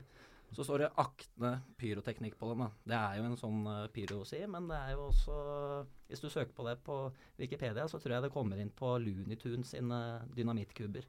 Kanskje, kanskje, de har sittet og sett på Looney Tunes og disse TNT-gassene som går i lufta og tenker at dette kan vi ikke ha på norske turer. Vi kan ikke ha sånn Per Ulv-tilstander på, på Kristiansund stadion, eller hva det heter. Nei, altså, jeg, jeg syns det er helt utrolig at han kan stå der og fyre løs uh, på den måten her. Ja, at han er, det er bestilt. Ja. Vi må jo ikke glemme at den, den som er avsender av dette, er jo først og fremst Fotballforbundet. ikke sant? Det er de som betaler han av fotballens penger for å fly ham til Norge og sette griller i hodet på alle klubbene. Og med fotballens penger mener vi da våre klubbers våre, penger? Selvfølgelig. Våre penger. Det er våre penger som går til klubbene, og som er med på å bygge opp interessen for fotball. Og det er det som gjør at medieavtalen, som da er den store, store melkekua, da, det er det, grunnen til at den gir så mye penger inn i fotballen. Men en, en ting jeg stusser over, eh, Posse, er at uh, hevd, du hevder uh, at uh, denne uavhengige vitenskapelige rapporten ble bestilt fra Uefa og FSE. Ja. Det er altså Football Supporters Europe. Mm. Hvorfor i all verden skulle de bestille noe sånt? Jeg, jeg er dritskuffa. Altså, for, for, dette er jo da den internasjonale NSA, om du vil. Mm. Ja, vi uh, hadde jo noen artikler om lovlig pyro for noen år siden som vi ønsket at vi skulle dele. Vi skrev jo da bl.a. en forklaring på engelsk om hvordan dette fungerte i Norge, og håpet at dette liksom kunne adapteres litt sånn ut. Og de sa det at vi, um, vi deler liksom ikke sånn pyroting. Og så tenkte jeg ok, kanskje det er litt sånn uenigheter i styret og sånn. Men her er det jo altså Enten så har de tatt et standpunkt mot pyro, eller så har de rett og slett bare vært jævla dumme. Og ikke skjønt at uh, når, du, når, du, lager en rapport, og du ber en, en fyr som kan masse om fyrverkeri, og spør han kan ikke du finne ut om det fins en helt trygg måte å bruke dette 100 trygg måte. 100 trygg. For svaret på det vil jo i alle tilfeller være nei. Han mm. kan ikke garantere at dette er trygt. Ja, og Uansett om han var pro pyro, så ja. ville han jo kommet til samme konklusjon. Jeg tror ikke den verste gærningen i noen av våre miljøer ville sagt at dette her er helt trygt. Det, det, det, det går bare ikke, det. Og, og, det er jo litt sånn det vi kjemper mot tidvis også. Blant annet så er det brannvesenet et sted som sier at uh, den røyken vi ser, den behandler vi som, som brannrøyk, og den er per definisjon farlig fram til liksom det motsatte er bevist. Og så er det sånn, hvordan skal du, hvordan skal du bevise det? Skal du, fordi Produsenten sier jo at dette her, det er en forholdsvis kaldtbrennende prosess, og så er det fargepigment. Det er derfor alle blir så jævla blå i ansiktet. ikke sant? Mens når du, når du har et bluss, så skal du lyse med en farge. Jeg, jeg, har bare, jeg skrev det jo også i artikkelen. Jeg har et forhandlersertifisering i pyroteknikk. Det gjelder liksom fyrverkeri. Det gjelder ikke liksom spesifikt dette her. Ja, Men- Du har rett og slett lov til å se, kjøpe, kjøpe og selge fyrverkeri og pyroteknikk? Ja, eh, rundt nyttårsaften så har jeg det, og så er det på en måte importøren vår som står for dette. Siden det er en annen kategori enn klasse 1, 2, 3, 4. Mm. Men det er noe med at når du lager et lys, så er det en annen type prosess med kjemikalier som skal skape et lys. Når det er røyk, så kan du egentlig bruke ganske mye pigment. Og da, da har du på en måte bare fargestoff som blir med i en forholdsvis eh, varm eh, luftstrøm. Altså i hvert fall var, så varm at hvis du legger den inn til hånda di, så kan du brenne deg. Men det er uhyre sjelden at du får en brannskade av en sånn type Disse røykbommene selges over disk i, i paintball-shopper i Norge. ikke sant? Mm. Men når det kommer en brannmann og sier Kan du Vi skal ha bevis for at dette ikke er farlig. Hva skal du da eh, liksom vise til? Skal du si bruk over tid? Skal du ha en fokusgruppe? Skal du ha liksom 30 personer som bare inhalerer røyk? Og den andre delen av gruppa skal bare inhalere uh, luft innenfor Ring 2? Og skal du se hvem som får kreft om 30 år? Det, det går jo ikke. Sånn at disse, disse grenseverdiene som man også tar opp i rapporten sin, de er jo også basert på en helt annen type eksponering enn det vi Mm. driver med. Eh, der er det jo skadelige nivåer som er målt i forbindelse med en åtte timers eksponering. Så lenge varer ikke noen av våre TIFO-er, uansett hvor, eh, hvor tribunekulturelle vi er. Sånn at dette her handler jo først og fremst om ta et skjerf foran ansiktet. Er du astmatiker, så får du informasjon på forhånd, og så får du stilt deg et sted slik at vi får tatt hensyn til deg. Dette får du gjort om det er et lovlig arrangement som man kan varsle om på Bare forhånd. om det er lovlig. Er det ikke lovlig, så vil du ha masse folk som er interessert i å slippe unna med det. Jeg vet ikke hvorfor jeg gidder å si det engang. NFF hører jo ikke på dette her. Nei, men Det er sant. det, det er Vi uansett kan viktig si å få kan, men- Kanskje hører noen i klubbene på det. Ja, Men uh, noe av det du sier der da, med det med astmatikere og sånn, det er faktisk mange som sender meg meldinger før kamp om det er, blir det noe pyro i dag, eller? Ja. Fordi da steller vi oss litt ut på sida. vi pleier å gi sånn flyers og sånt nå. Mm. Så ja, i dag er det pyro. Ok, da kommer vi inn eh, på plass eh, om to minutter da, etter Mm. showet. da. Mm. og det har vi, ja. Med plakater og Ja. informasjonsstrømmen er god. Så de gangene jeg hører om astmatikere, så er det veldig ofte fra folk som ikke er astmatikere selv.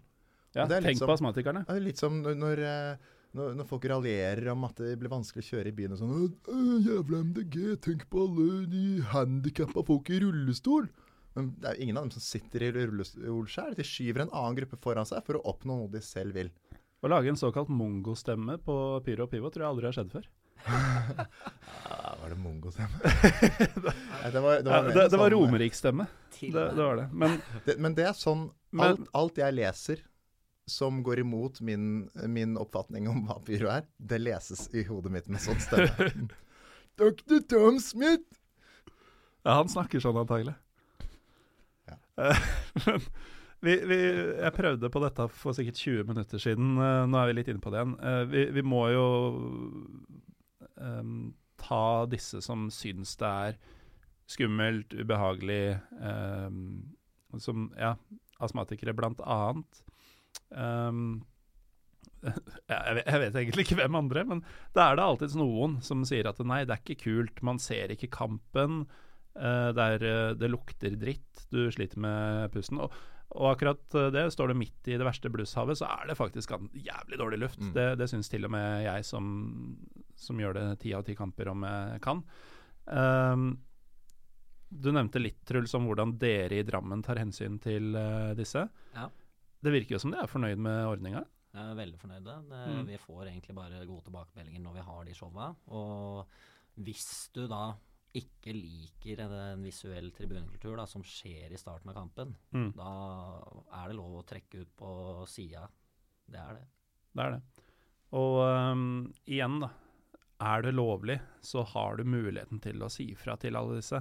Ja, det er uh, Da må rammene for lovlig bruk være der. Ikke sant? Og hvis det blir ulovlig, da blir det maskering, som dere sier, og det blir eh, gjemming under banneret. Uh, Mm. Tent opp under banneret. Da kan det hende at uh, de bannerne tar fyr, og ja. Og er det først uh, ulovlig, så, så må du ikke holde deg til innmarsjen. Da kan du like gjerne gjøre det på 50 minutter eller etter en scoring eller Mm. uh, hva det skulle være. Det er jo helt nydelig når det blir fyrt etter eh, en scoring i glede. Stor, stor, stor fan.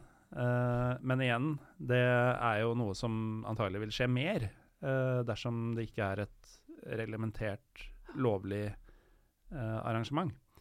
Og det vil jo da gå mer utover disse eh, astmatikerne og andre som, som ikke, ikke er så store fans. Uh, nå sitter du og nikker og smiler, uh, Posse. Jeg tenkte på alle astmatikerne. Ja, det er mange av dem. Ja, vi har jo tatt veldig mye Jeg føler vi har strukket oss langt i forhold til hva man egentlig kan forvente av en sånn løst sammensatt løst sammenskrudd gruppe med mennesker som supportere jo egentlig er. Mm. Som har organisert oss så jævlig og liksom samlet så mye dokumentasjon. Og fått godkjent og importert og opplyst. Og så hvor, hvor Jeg føler liksom at det er vi som er den profesjonelle part i dette her. Ja, det er det som er så sjukt.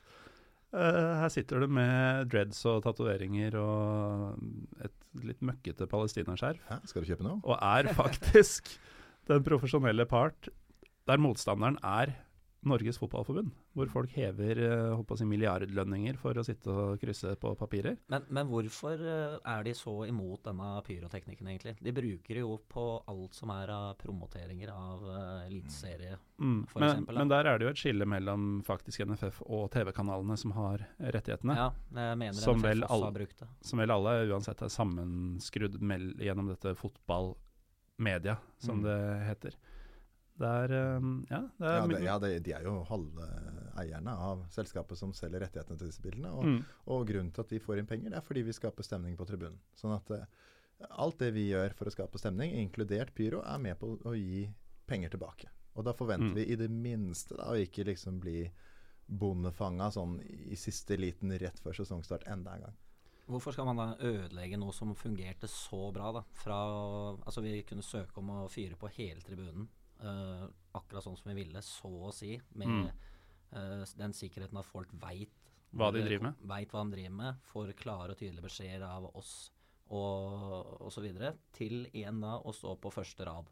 mm. Da, er det, da mister den effekten som vi sa i stad. Det blir kjedelig i lengden. Mm. Og det gjør altså at vi som har vært med en stund, vi mister også en del av de unge. ikke sant? Fordi vi har jo brukt veldig mye av vår integritet på å si ha tålmodighet. Vi får til dette. Det er bare ikke, ikke liksom la det gå over alle Mm. støvleskaft nå. Vi, vi jobber mot en bedre løsning, liksom.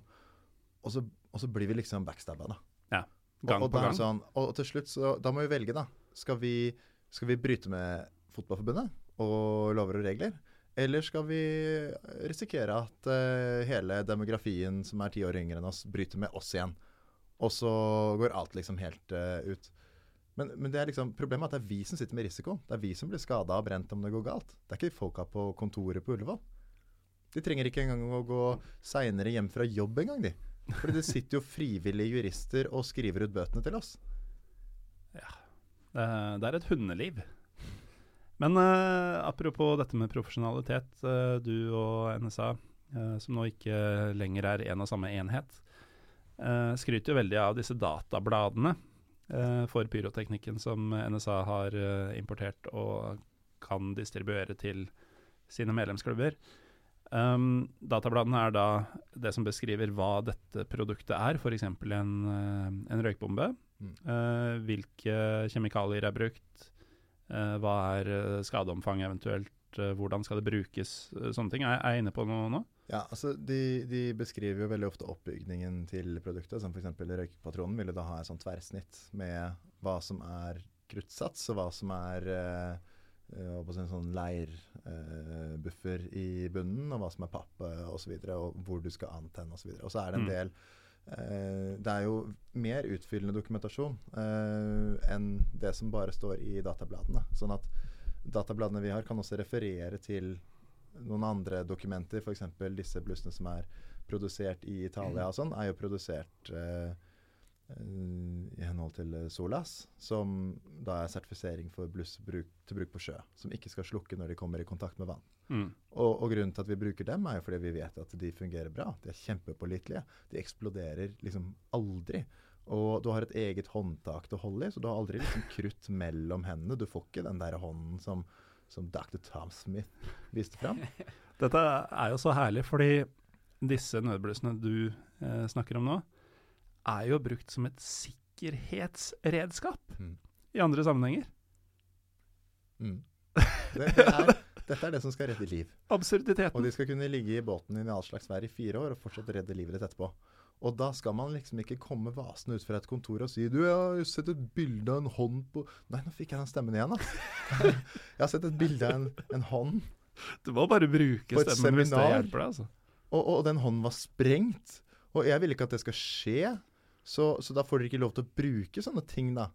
Fordi fyrverkeri blir liksom fyrverkeri for vanlige mennesker. Vi, vi, klarer ikke å gruppere masse forskjellige produkter. Sånn. Vi, vi, trenger jo å forenkle ting. sånn at hvis alt havner i en sekk som heter pyro, og du har sett noe pyro som er farlig, så vil du umiddelbart tenke at det er pyro. Det, det kan være farlig. Liksom. Alt, det, det eneste negative som har skjedd med bluss, uh, som jeg har erfaring av, er at de ikke antennes. Altså, det er noe slokker. dritt. Ja, det er jævlig irriterende. Men, men, akkurat det er litt sketsjy, fordi når det ikke antenner, så blir det jo litt sånn Ok, hva kommer til å skje med det videre? Ja. Du må bare se oppi og se om det skjer. Ja, ja. gutter, ikke se oppi der nå. nei, da, det, det, er Homer Men, Simpson. Ja, ja. Det er, uh, nei, det er egentlig det eneste negative. Perhaps som my jeg, other uh, eye. Som jeg veit. Jeg husker en båtbutikk i Drammen faktisk, som solgte båtbluss som var gått ut på dato. Eh, hvor du, du, de samlet inn da, fra marinaer og sånn. Eh, så det hadde ligget lenger enn eh, en fire år, eller no, en del seriøse båtfolk skifter jo hvert år. Eh, og så tok dere dem inn og solgte dem ganske billig, og sånn 50-lapp eller noe sånt. Det var helt sykt billig. Ja, vi bruk, har brukt den vi òg. Ja, jeg tror vi faktisk har handla litt der før vi liksom begynte å importere. Uh, og da sto det det at hvis et bluss ikke tar fyr, bare bruk et annet bluss og tenn på toppen. og vi tenkte det tror jeg ikke du skal gjøre. Altså. Nei, det, det høres ikke riktig ut. Hvis det, det, det høres litt ut liksom, som Jeg tror ikke egentlig at det kommer altså, I, i, i 99,9 av tilfellene så tror jeg det ville gått fint. Fordi det er jo en metallsylinder som er helt åpen i én en ende, og det er en plastkork. Liksom, ja. En colakork sitter hardere på enn den liksom, plastkorken som Den som du drar ut. Mm. Ja. Ja, det, det, tipset der hørtes ut som noe de drev med da jeg var jeg har med en ganske herlig borteklekk på derby i Bulgaria uh, for en del år tilbake. Og da skrøt de så jævlig av at de hadde Jeg vet ikke helt om det var noe lost in translation. De hevda at de hadde fått lov til å bruke si 500 bluss, da. De hadde jo sikkert ikke fått lov til det, de hadde sikkert fått tak i 500 bluss. Um, og så hadde de funnet ut at disse blussene kunne du sage i to. Uh, og da ville du ha 1000 bluss. Og det hadde de gjort, da og sto med hver sin lighter og tente på liksom to hver. Uh, og sånn. Det gikk så vidt jeg veit bra med alle. Uh, og det var mange bluss. Det var for øvrig en kamp som gikk klokka ett på formiddagen. eller noe sånt. Så. Ja, da trenger du 1000 bluss. Altså. Så du du sage bluss i to for at du skal få flere, da er det sjukehus. Altså. Tenk å være på den dugnaden dagen før. Ja. Jeg ser for meg den første mann som tenner en sigg i det lokalet med liksom sånn dunst og støv. Og... og, og det er ikke sånn at folk ikke tenner en sigarett i Bulgaria. Det lærer du tidlig. Nei, men det, så, du kan jo sprenge et bakeri, du, eller sånn, en, en mølle, pga. mel i lufta. ikke sant? Det blir jo eksplosivt. Men jeg ser for meg at dette, det at du kan tenne på et bluss som er på en forsiktig måte delt i to, det ser jeg ikke bort fra. For det er jo en saktebrennende prosess. Eksplosjonen vil jo skje hvis det er et tett rom, slik Dr. Tom Smith beskriver tre ganger i rapporten sin når ordet rørbombe kommer. Ja, altså pipe bomb? Pipe bomb. Når er det du hører om det? Det hører du om når 13 ungdommer har blitt shredda i fillebiter på en buss et eller annet sted av en rørbombe som var lada med spiker og skruer mm. av en som har bestemt seg for at nå skal jeg drepe og skade så mange uskyldige mennesker som mulig. Den assosiasjonen putter de liksom inn der med vilje. Ja. Det er da deg, Truls, deg, eh, Posse, og meg, Morten, som, som er den type folk. Men hvordan eh, kan han stå i Norge og fortelle om de rørbombene? Eh, jeg tror ikke han har vært på fotballkamper i Norge. Vi er jo i verdens snilleste folkeslag. Altså, Så, det skjer jo veldig lite gærent her. Jeg mener jo, og nå må dere gjerne arrestere meg, men at det villeste som har skjedd i- på norske tribuner pyromessig, er Vålerenga-Lillestrøm på Ullevål i 2012. Mm. Da gul røyk utsatte kampen i et kvarter eller noe sånt. Og begge supporterne fyra mot hverandre gjennom hele kampen. Um, ingen personskader. Ingen syntes det ikke var fett, bortsett fra astmatikerne.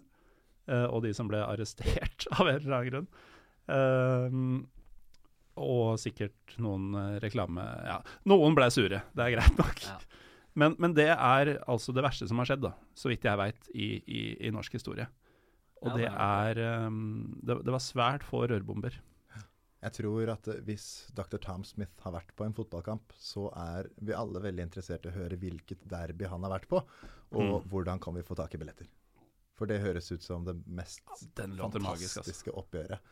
Med rørbomber og Ja. bakkebatterier og hender som flagrer.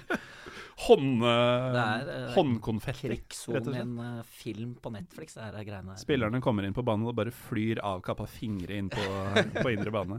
Det er helt ellevilt. Ja.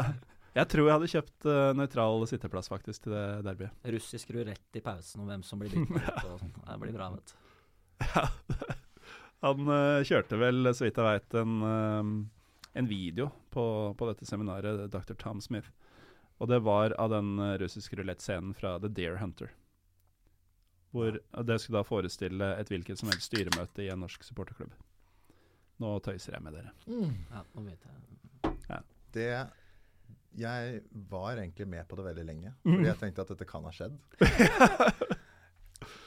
Men, han, men jeg lurer på om han har sagt noe sånn om at det er russisk rulett. For det er et veldig enkelt uttrykk å bruke. Ja, Altså, det, er, det går hjem og Russisk rulett er sånn å, Hvis du ikke er helt sikker på at dette går bra Russisk rulett er vel egentlig hvis du har eh, Hvor mange kuler skal du ha i revolveren? da? Altså Det skal være ganske høy sannsynlighet for at du dør.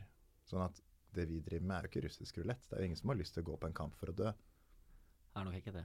Det er, eh, nei, det er jo Altså, jeg syns det er uh, overdramatisk. Altså, det virker nesten som et sirkus, da, det han eh, viser fram på, på det her. Skremselspropaganda. Ja, Og og, en vi, frykt av verste sort. mm. og vi må ikke glemme at bestiller av dette er Fotballforbundet. Og, Ja, og- øverste leder for dette er da Geir Ellefsen, som Som var en av de to som eh, etter litt om men ikke var interessert i å diskutere dette med meg og Erling i fjor sommer. Ja. Um, du, jeg kan sitere deg på noe um, apropos skremselspropaganda, uh, Posse. I artikkelen så sier du rett og slett NFF kommuniserer som om de er fyrtårnet i et farlig univers fullt av kri... Jeg prøver igjen, jeg. Ja. NFF kommuniserer som om de er fyrtårnet i et farlig univers fylt av frykt og risiko. Og der drar du en parallell eh, like etter. Husker du hva det var? Ehm, jeg, jeg, jeg ser på den første Det- det setningen det er at her har jeg svevd inn i et metaforisk eh, Ja, du, nivå. dette var på side tre av tre. Du kan, altså, jeg hamret dette her ned på mitt uh, spilltastatur så det klakket hele natten. Uh, Det klakket nesten hele natten. Ja. Der var det fra Bærum, ass. Hendene mine så ut som i rapporten til Dr. Tom Smith. Jeg har aldri hørt Lenge før jeg kom til det. To deformerte Du kan bare ta det ene bildet og speilvende det. Og så har du mine to hender. Fryktens univers. Men nei, jeg husker ikke det. Nei, du øhm, øh, spør vel om øh, noen ser parallellen til øh, populistisk politikk. Ja. Og du, du får litt sånn der øhm, diktatorisk øh, feeling av, øh, av kommunikasjonen fra Fotballforbundet her, gjør du ikke det, Truls? Ja, altså når du kommer på seminar, da, og nå var ikke jeg der, da, men eh, vi får se bilder av hvordan det blir fremstilt, det opplegget her, mot noe som faktisk har fungert, jeg vil si 100 da, i hvert fall for vår del. Eh, da syns jeg det rett og slett er eh, tull. Det, jeg har ikke mer å si enn det, for det, Mm. de ødelegger da, for så mange som har lyst til å skape en god atmosfære på en trygg måte. da. Istedenfor så viser det fram avkappa hender, som du sier, og rørbomber og andre ting. Da. Altså, hvor er det du finner det i Norge? Det, vis meg det, så skal jeg begynne å tro på det. Men eh, Mm. bare tull. Ja, for Var det på noe tidspunkt i løpet av den presentasjonen der du følte at eh, det kom et poeng for pyro? Eller var det liksom bare Altså, jeg var ikke der, men jeg har bare sett i rapporten sånn som Ja. du var. Uh, Jeg har snakket med folk som var der. ja, så det, det er rett og slett det er, um, det er, er fare for å bli litt sånn black box-greier. Jeg har ikke sett det, men uh, Men uh, det er altså Jeg har ikke møtt noen som, som har sagt at det var noen gode poenger liksom til inntekt for å fortsette det vi har gjort. Mm. Eller noe, eller noe som liksom kunne nyansere det sånn i hele tatt. da. Litt sånn svovel-predikantpreg. At Ja, eh, dere er på ville veier, nå må dere hales inn igjen før dere er i helvete. Ja, veldig sånn. Alt er farlig. Vi er løsningen. Eller dere er problemet hvis dere velger å fortsette, er egentlig liksom bunnlinjen. da. Mm. Nå har vi sagt alt vi kan for å få dere til å innse hvor utrolig farlig dette er. Ja, ikke sant. Eh, du drev og lette innstendig på telefonen din, eh, Truls. ja, jeg kikker litt på litt bilder fra Smiths eh, Smiths presentasjon her. så altså Alt er jo imot det dere i NSA har jobba for. Det er, eh, det er bare negative ting. Det er ingenting som er positivt, og det er eh, rett og slett kun, kun for å skremme eh, klubbene i Norge, da. Mm. Og jeg tror og håper de fleste, i hvert fall, av uh, supporter... Uh, unnskyld. Klubblederne som var der, skjønner det her og kan Mm. da snakke sammen. da. Så det er viktig altså, at vi ringer hverandre og, og samarbeider, og ikke tro på det visvaset her. Det er veldig viktig, og, og som en av dere var inne på tidlig, altså nye klubber i denne sammenhengen uten en kultur og forståelse i bånn, uh, de, de vil jo ikke ha noen grunn til å tvile på dette. Eh, og ekstra viktig er det jo da sånn type Kristiansund, Ranheim uh, Jeg vet ikke helt hva vi har der oppe for tida. Det er vel ikke noe, noe verre. Uh, bortsett fra kanskje Mjøndalen ifølge deg, Truls. Men selv de har jo en kultur der, selv om de er små. Eller har de ikke det? Ingen kommentar. Nei, det var det beste jeg kunne håpe på der. Men at disse faktisk har ehm, evnen til å ta en telefon til f.eks. største klubben i nærområdet. Om Ranheim ringer Rosenborg og Kristiansund ringer Ja, de burde egentlig ringe til Rosenborg, de også.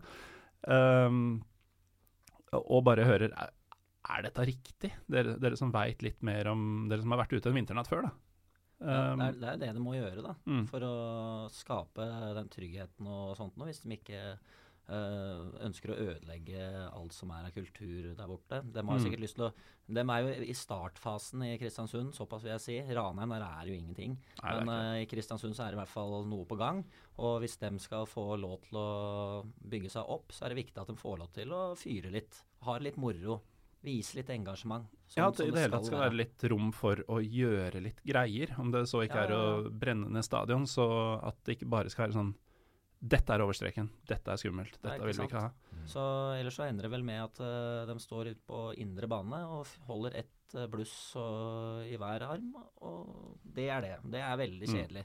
Ja, det er døvt, altså. Så alle, altså jeg personlig håper at alle klubbene i Norge får en kjempetribune med god kok. Altså jeg, Det er ingenting jeg ønsker mer enn at det er god stemning på alle arenaer i Norge. Mm. Derfor går det an å samarbeide på, på disse områdene for å få best mulig stemning. Og det hjelper jo også på norsk fotball, ikke sant. Mm. For å få uh, For å få engasjementet på arenaene. Og jeg har snakka med flere. Er, er det en grunn til at du kommer på, på stadion? Grunnen til det, det er øredøvende atmosfæren. Altså at du Mm. er inkludert i noe. Ikke bare det som skjer på banen, men det er hele pakka. Det er opplevelsen. Kanskje du er på en Ta med familien din, da. Tar en tur på restaurant før du kommer uh, til arenaen. Så ser, sitter du på langsida og ser på supporterklubbene uh, kjøre på med kjempekule TIFO-show. Mm. Verbalt, visuelt, pluss at fotballaget ditt uh, spiller fotball, og du kjemper om noe, da. Altså det er ingenting jeg eh, kunne ønske mer, da. Og det, det syns jeg alle uh, klubbene i Norge bør ha og jobbe for. Jeg husker da jeg begynte å gå på fotballkamper som barn, så var det mm, det jeg ble sittende og se på og legge merke til. Det var disse gærningene som sto og sang og lagde stemning. Uh, og det, det, var jo en annen tid. Det var jo midten av 90-tallet, liksom. Lenge før klekkene faktisk ble store, før det ble eh, organiserte pyroshows og, og store tifoer og greier. Men likevel så var det sånn at jeg heller så på si klanen, da, enn en på hva som foregikk på midtbanen akkurat der. Og jeg og mange andre er jo fortsatt på disse matchene, til tross for all konkurransen fra TV-fotballen og, og, ikke minst reisefotballen i, i mitt tilfelle. Uh, og så må jeg bare skyte inn at uh, ingen av dem kunne komme i dag, men jeg hørte med både sikkerhetsansvarlig og arrangementsansvarlig i Vålerenga, i klubben, om de var interessert i å, å komme og snakke om dette. Det var de, uh, i aller høyeste grad. Nå vet jeg ikke helt hva, hvilken holdning de har til det, men jeg kan tenke meg det, siden de var så positive, men at det bare ikke passa kalenderen. Og med tanke på hvilken jobb Mathias Løb, supportkoordinator i Vålinga gjør i denne sammenhengen. Så det er ikke svart. Altså, det er klubber som er i hvert fall villige til å snakke om det, og som sikkert har noen meninger som ikke nødvendigvis er uh, på linje med Dr. Tom Smith og NFF. Og hans venner og, og Smiths venner i NFF. Der har vi det. Um, er det noen siste ord på um, tribuneliv uh, sesongen 2019, pyro-reglement, NFF? Uh, skal kanskje ikke åpne NFF-boksen uh, nå Nei. på slutten på seg? Vi, nå har vi snakket lenge om det. Vi venter til neste gang de tråkker noen på tærne og jeg må klakke away med mine blodige fingre klakke på, på gamingtastatur. ja. Jeg lærte et nytt ord i dag, jeg nå. Klakke? Ja, den, eh, den, var ny for meg. Det er viktig med en sånn tynn L. Sånn er det når jeg er fra Drammen. Klakke, klakke. Um, takk, uh, gutter, for at dere kom og um, delte så broderlig av deres uh, engasjement. Uh, og så må jeg bare ønske lykke til med supporteråret, i hvert fall. Ikke så mye sportslig. Ja, et spørsmål til slutt. Har du det? Syns du i likhet med Rikard Jansen, at uh, Jørgen Lennartson fremstår som et rasshøl? På ingen måte. Um, jeg har um, jeg, jeg, husker jo knapt Jørgen Lennartson fra tiden i Stabæk. Det må jeg innrømme. Jeg bare husker at det var navnet på den andre benken da Lillestrøm kom og stengte gymsalen, som vi liker å si. Um, men uh, sånn som han har vært i Lillestrøm, så ser jeg på han som en ganske sånn jovial, pedagogisk uh, type. Mm. Og skjønner ikke helt hvor Rikard Jansen har dette fra. Vi hadde en eh, episode um, Nei, det hadde vi ikke. Det var en annen podkast jeg produserte som hadde en episode nå. Um, som er en rein Lillestrøm-podkast, så jeg skal kanskje ikke reklamere for den. Men uh, der adresserte de dette i uh, Jomfru-episoden som kom i dag. Uh, og da er det jo folk som kjenner Jørgen Lennartson, som heller ikke kjente igjen den greia der. Og i hvert fall ikke at uh, det at Rikard Jansen drev med damefotball, skulle være noen grunn til å ikke snakke med han. Mm. Da en kompis av meg skrev at uh, man vil heller framstå som et rasshøl enn å se ut som et. Da han leste den saken. Har man på en måte gardert seg litt ved å si at noen fremstår som noe, og mm. ikke at du er noe? Ja, for han sa jo det også, I, i, den saken som det tross alt blei. At uh, jeg sier ikke at Jørgen Lennartson er sånn, han framstår sånn. Men blir du mindre krenka hvis noen sier til deg at du, du fremstår som noe? Altså, jo, Enn at jeg er rett? Et høf, den høfligste måten å krenke deg på, Morten? Um, jeg liker å tro at jeg ikke blir så krenka, altså. nesten uansett. Hjelper det om man er høflig på forhånd? Jeg, jeg, kan, jeg kan, prøve nå. Jeg skal, nå skal jeg krenke. Ja, krenk meg. De, uh, Morten, fremstår som et fittetryne! Men det er jo Ble du, ble du krenka? Nei. Nei. Men var det fordi jeg var høflig? Nei, det var fordi du, du sa ikke noe jeg ikke visste fra før. Kanskje det var derfor uh, Jørgen ikke ble så krenka? Han bare trodde det var en aprilspøk? Ja, kanskje det. Men jeg syns det er litt forfriskende at folk uh, så, Men hva, hva, er Rikard Jansen nå? Fordi han har hatt alle verv som fins i uh, Stabæk og Stabæk Support og ja, han, han Stabæk Kvinner og hva det nå heter. Han er sportssjef for Stabæk Kvinner. Han er det nå? Ja. Okay. Og spiker på damekampene. Uh, men han har jo på en måte Han har kretset i universet som en sånn gudfar-type. Og, og grunn, jeg tenker jo liksom at hvis Rikard Jansen sier at noen fremstår som et rasshøl, da Mm. er det jo antagelig et eller annet der som tilsier at det er noe sannhet i det. Mm. Jeg syns egentlig at det er fint at det blåser litt fra eh, administrasjonen også, at ikke alt er så pyntelig. Jeg syns det egentlig er lenge siden vi hadde en god ordkrig mellom, mellom supportergruppene også. Jeg ser at Lars Bohin var jo ute eh, i går på Twitter til eh, en eh, Jeg lurer på om kanskje er journalist, fordi Twitternavnet hans er SMP Christian, og det er jo Sunnmørsposten. Ja. Og han skriver da at eh, ÅFK vurderte å stenge treninger denne uka, men foreløpig blir det åpent. Det betyr at vi igjen kan tilby motstanderen et femsiders PDF-dokument med sannsynlig lag, hva man har trent på og oppstilling på alle dødballer. Hvordan vil dere at vi skal sende det? Kiel toppfotball? Og så svarer Lars Bohin Begynn å grine! Hvis du ikke klarer å forstå hvorfor vi av og til må gjøre det sånn, så kan du komme hit og så skal du få det med teskje! Eller intravenøst, om så. Det, jeg syns det er så Jeg tenker at Hvis sesongen 2019 skal bestå i at folk fra én klubb kaller folk fra andre klubber rasshøl, og folk fra én klubb ber en annen klubb om å begynne å grine, så får vi en ganske fet 2019-sesong. Jeg syns jo Altså, tilbake til den populistiske politikken, da. Jeg vil jo veldig gjerne ha i hvert fall én arena, da. eh, hvor spillere og ledere og trenere, for den saks skyld, faktisk blåser litt ut, og ikke bare er så jævla kollegiale hele tida. Mm. Sånn, det, det er sånn som når jeg gjør eh, intervjuer i 'Mesternes mester' med gamle håndballspillere, som jo er de sterkeste lagspillerne ever. Det er sånn, skal, du mo, skal du kline tydelig i konkurransen her, eller du skal det? du ryke ut i nattest? Er sånn, Ja, det er en av tingene jeg gjør, da. Ja. Eh, og så er det sånn, Jeg visste bare at du det- filma Paradise Hotel. jeg. Ja, og Ex on Beach. Tror der- du der må står si altså noe disse- nå. Disse håndballspillerne. Ja, så Eh, bare Ja, nei, vi skal gjøre så godt vi kan, og det blir spennende. Og så. Jeg vil ikke høre at de skal gjøre så godt de kan det skal bli spennende. Jeg vil høre at noen skal faktisk prøve å knuse noen. Mm. Eller at noen er et rasshøl. Eller at noen skal komme og begynne å grine.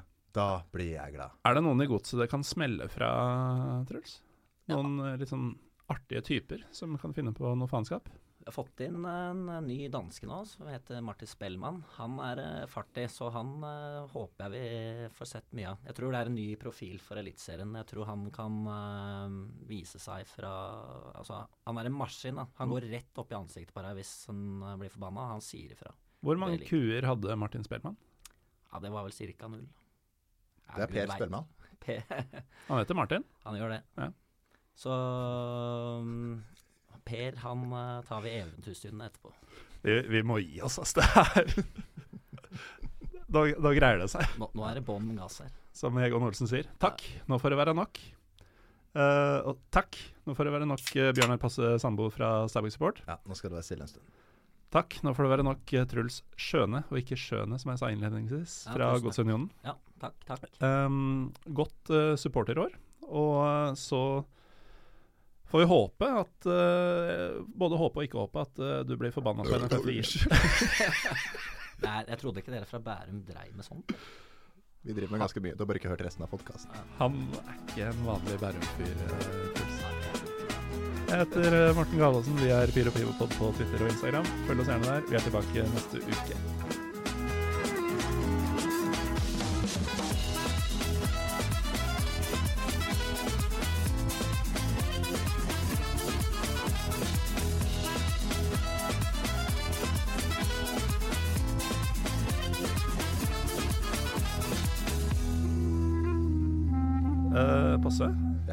Da, da du var her uh, forrige gang, så sklei det jo litt ut omtrent på denne tiden, uh, etter at musikken hadde lagt seg. Tenker alle som ikke er 14 år gamle. Ja. Det er uh, ca. to år siden. Jeg har ikke episodenummeret i farta nå. Noen og tjue, tipper jeg. Mm. Du eh, fortalte at du var et rart barn som bæsja mye i hager og prøvde å skulptere dritten din så at mora di skulle tro det var en kattedritt. Ja. For du dreit i din egen hage. Jeg prøvde å legge skylden på en katt, og det gikk ikke. Nei, Jeg det- har, selv mitt lille barneanus uh, ligner ikke på kattedritt, dessverre. Nei, selv ikke etter å ha skjært litt i den og, Nei. og, Jeg var aldri god i sløyd eller kunst og håndverk. Men uh, det har jo gått ca. to år siden sist. Og da regner jeg med at det har skjedd noe hos deg. Nei, jeg, jeg tenkte Vil du ha mer? De, de forrige historiene dine var fra, mer fra barndommen. Du, du er jo tydeligvis mye i grotter og i Mexico og sånn. Du får i deg sikkert mye rart, både Ja, du I- i- i vann og i restauranter. Ja. Nå er jeg spent på hva dette her dreier seg om. altså. Ja, og, og Du- det, det var din uh, Gå det, det var faktisk en, eh, en Godsunionen-fyr i det tredje setet den gangen også. Det var da Joakim Bjørklund ble svett. Ja, det Eh, skjønner jo. ha, ha, har det vært noen hendelser uh, siden sist, uh, Bosse, som, som ikke egner seg på lufta, men som vi kan snakke om likevel? Altså, nå har vi på en måte gitt folk en mulighet til å skru av det. Ja, det har vi. Så alt, er, um, alt hva som kommer nå, er greit. Altså, det, det jeg kan Jeg kan uh, Ja, jeg trenger litt hjelp, da. Uh, for å på en måte sette stemninga. Uh, for dette er jo egentlig en historie med to sider. Eh, et veldig, veldig vakkert øyeblikk og et bedritent øyeblikk. Bedritent, faktisk. Ja. Det er for øvrig episode 21 fra 7. mars 2017 som jeg refererer til. Da skal jeg ikke høre på den. Nei. Men ja, hvor, hvordan, hvordan kan vi hjelpe deg i gang? Ja, Bosse? ehm, jeg vet ikke om dere så på Spellemann uh, på lørdagen som var? Nei, men jeg har hørt at det var ganske dritt. Nei. Ikke på showet. Å nei. Var det, var det dritt? Nei, jeg hørte noen rykter om at Mats Hansen vant årets låt og sånn. Jo, men den, det, det som var viktig her, da Uh, Der var det jo også en, en folkekjær gruppe som fikk en hederspris. eh, DDE. Og, og, og i den forbindelse da så ble det framført eh, noen videoer og en allsang av en sang som heter 'Vinsjan på kaia'. Ja, den er vakker. Og, og folk eh, gråt, og de takket sin avdøde bandkompis, og det var et veldig, veldig vakkert og rørende øyeblikk. Eh, og det jeg sitter og brenner inne med da, er da den andre siden av denne historien. Det mørkeste øyeblikket i Spellemann-historien. Var, var du der? Nei. Men jeg lagde da den videoen og filma disse korene som sang 'Vinsjan på kaia'. Ok. Uh, men jeg, trenger, jeg tror, føler liksom jeg trenger en sånn slags jingle. Kan, dere kan teksten, ikke sant? Beatles spilte aldri så vakkert som ja. Vinsjan Ja. på. Jeg har alltid lurt på hva de første to ordene er. Det er det jeg kan av den sangen. Ja, okay. Ja. Men jeg trenger, kan jeg få høre om, om dere synger nå? Tell oss ned, da. Den er litt vanskelig, for den begynner liksom før takta. Men hvis dere tenker at den er sånn Beatles var aldri så vakkert som vinsjan på kaia Ok, det er, en- det er en fin jingle. Ja. Så når jeg liksom gir dere tegn, og jeg på en måte trenger å liksom stykke opp historien litt, så, så bare synger dere Og dette var ikke det, nei. Vi skal, vi skal være klare vi skal gjøre hele det flere ganger. ja. Jeg skal jo det er, Dette er jo et narrativ. Så dette er historien, den egentlige historien, om vinsjan på kaia. Ja. Beatles spilte aldri så vakkert som vinsjan på kaia. Jeg og min kollega reiser oss om morgenen tidlig mandag morgen for å dra til Oslo lufthavn Gardermoen. Det er kaos og kø, og vi mister flyet pga. spesialbagasjen. Vi kommer oss på et senere fly etter å ha ventet i mange timer, og hutrer oss ut på en halvøy i Bodø der det vilde kor med 15-20 glade kvinner møter oss, og etter å ha satt opp lamper og kamerautstyr, og solen glir ned i havet i horisonten, stemmer vi alle i i tonene på Beatles spilte aldri så vakkert som vinsjan på kaia. Mm. Jeg angrer litt. jeg. Jeg og min kollega er glade for dagens opptak. Vi har mange igjen. Vi skal videre med fly til Trondheim, men først skal vi spise en utsøkt middag på et av Bodøs fineste spisesteder. Det er skreisesong, og de reklamerer med skreimølje. En flott tallerken der du i tillegg kan få en hel ekstra porsjon gratis. Vi har spilt sangen mange ganger, og i lystig lag går vi fra SAS Radisson mot restauranten. Og vi titter i de stengte butikkvinduene mens vi nynner sammen på dette verset som skal danne refrenget for både natten og dagene som kommer. Beatles spilte aldri så vakker som vinsjan på kaia. Skreien blir servert. Det smaker fortreffelig, og vi er begge enige om at vi skal benytte oss av muligheten for én porsjon til. Min kollega Mats liker ikke torskelever, men jeg er så sulten at jeg spiser rubbel og bit. Vi betaler for oss og strener tilbake gjennom Bodøs forlatte vintergater og trekker inn på hvert vårt hotellrom i det høyreiste Radisson-bygget. Legger oss under doble dyner, og jeg kjenner søvn komme trykkende på av de tunge pleddene. Og tonene repeteres i hodet. De vil ikke ut, og jeg blir liggende litt til og nynne på Beatles spilte aldri så vakkert som vinsjan på kaia.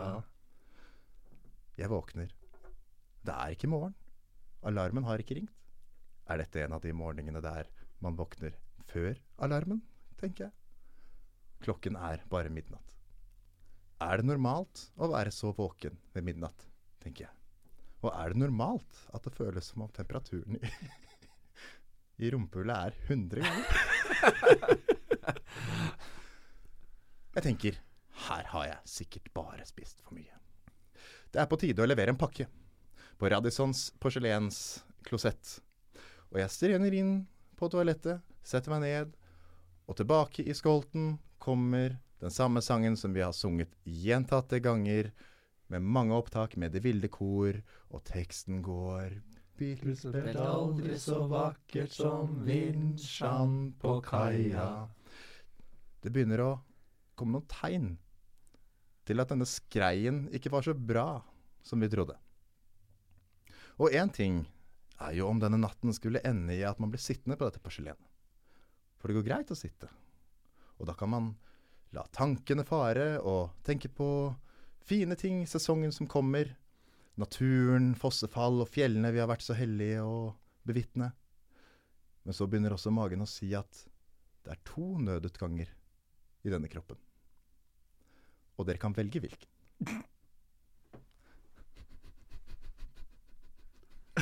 Fortsett. Samtidig prosesser har aldri vært min sterke side. Jeg er en person som gjerne liker å gjøre én ting om gangen. Og spesielt når det bare er én trapp for rømmende passasjerer fra min flykropp. Og da blir det etter hvert veldig fort en beslutning om hvem som skal få ta trappa, og hvem som må hoppe ut av flykroppen og lande på de hvite flisene. Uffa meg. Men det kunne vært verre. Dette kan gå bra. Det er flis, det er våtrom. Vi kan spyle dette bort. Men så begynner det å skje ting oppi hodet. Jeg begynner å bli svimmel, og hjernen begynner å fortelle kroppen at nå er det noe ordentlig galt. Og sist gang kroppen har fått disse signalene, var det en kyllingpizza i Oaxaca i Mexico som ble inntatt, også i to porsjoner, som ga en liten salmonella-infeksjon. Og en uh, ganske slitsom natt. Og jeg sitter og tenker for meg selv at tankens kraft vil være nok til å snu denne utviklingen. Jeg kan tenke på noe annet. Jeg kan synge meg bort i naturen, i DDEs fargerike univers, og glemme hvor dårlig kroppen min prøver å fortelle at jeg er. Og jeg sitter og synger høyt for meg selv. Beatles spilte aldri så vakkert som vinsjan på kaia Men nei, det går ikke. Og jeg kan ikke engang stå på mine egne ben. Jeg gjør som en av hovedpersonene i katastrofefilmen The Day After Tomorrow. Jeg tegner en linje ved å bruke mine siste krefter til å gripe et dusjhåndkle og surre rundt mine dreads. Ja vel, skrei, du får kanskje min gane og mitt rumpehull, men mine dreads får du aldri. Og med mine siste krefter krabber jeg bort over flisgulvet, strekker hånden ut av baderommet og skrur av taklyset. Intet lys skal falle på den som er bedriten, skrev Matteus til korinterne.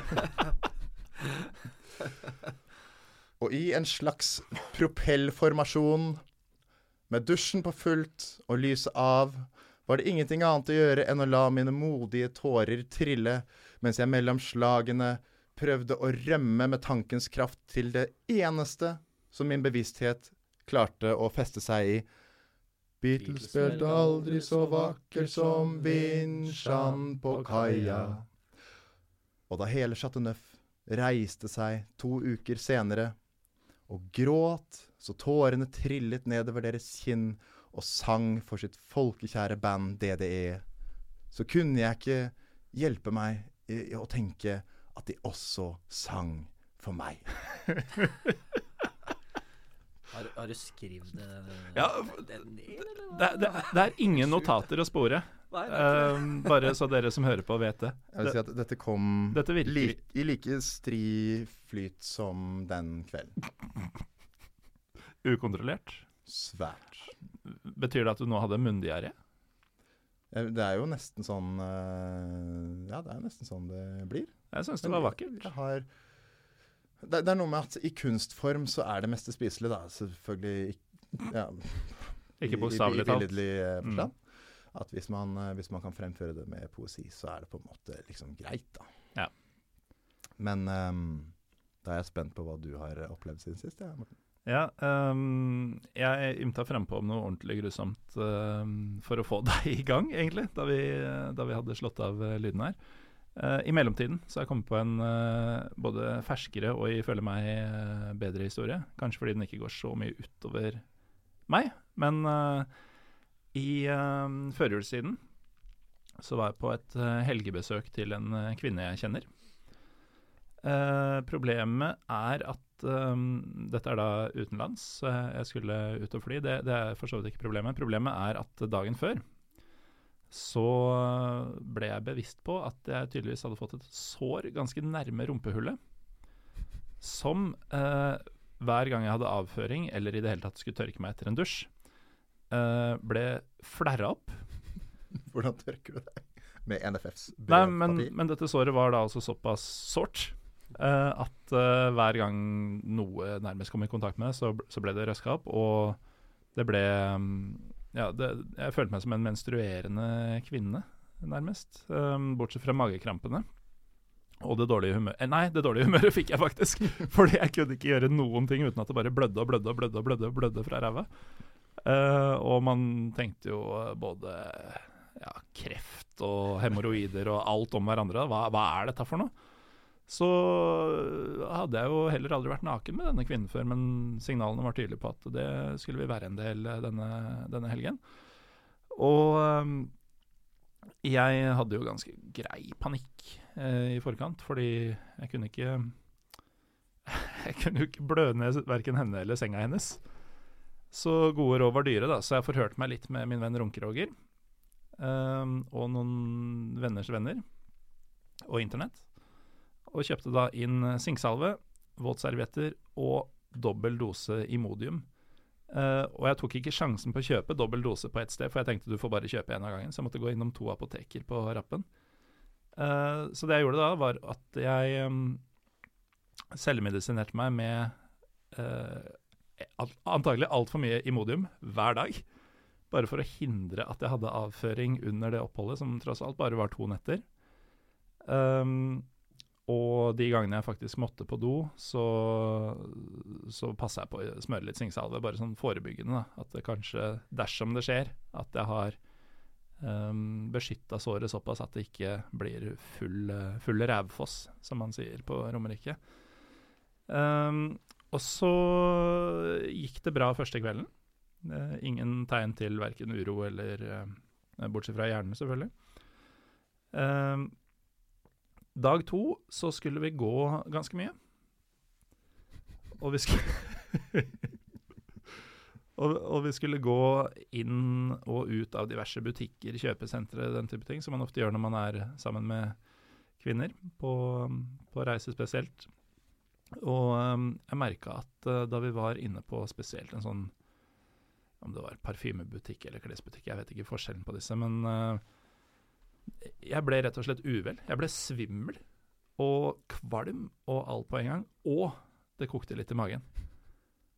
Og, hadde, og, og, og da var det ikke engang tilgang til toalett som jeg visste hvor var, i hvert fall. Da. Så jeg tenkte jo at nå skårer jeg et sånn ordentlig komisk selvmål. Hvor eh, forsøket på klarering har vært så hinsides at eh, resultatet er verre enn om jeg hadde bare prøvd å dundre ned eget kryss. Og så gikk det over. Jeg klarte meg gjennom kveld nummer to også.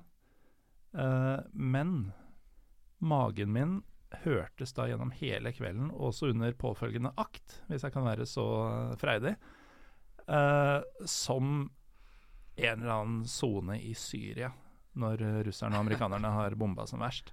Det var altså underveis at jeg tenkte hvor man da ofte tenker nå må jeg holde, holde på ting én vei. Så måtte jeg først og fremst holde på ting andre veien. Og ikke løsne skinkene uansett hva du gjør. Og så gikk det bra.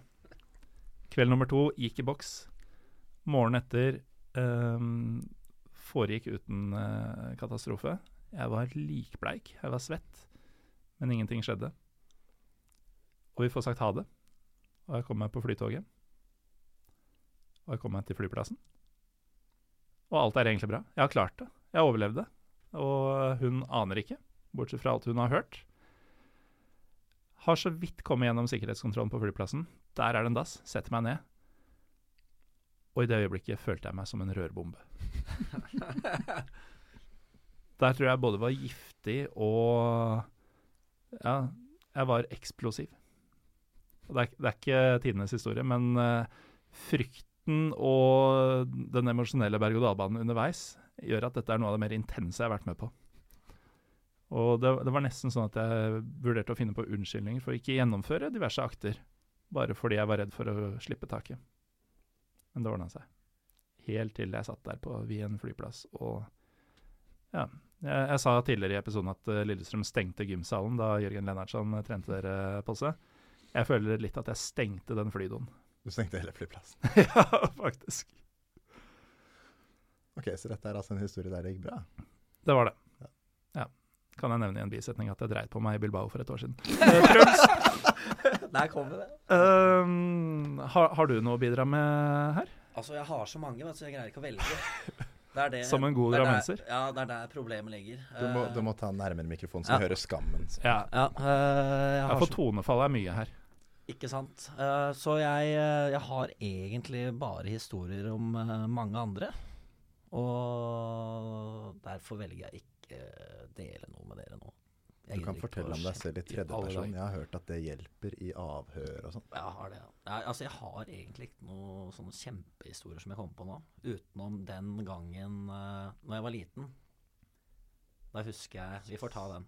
Uh, veldig merkelig historie. Vi bygde en hytte oppi et tre, jeg og noen kamerater. Og så av en eller annen merkverdig grunn så kom vi på at vi skulle male veggene i den hytta. Med Hvilken farge? Uh, det, var, det, var, ikke strømsgodseblått, i hvert fall. Nei. Var det mer Mjøndalen? Det, var, det ligna hit på det. Var det utvendig eller innvendig? det var innvendig, den hytta. Spraylakkerte dere, eller?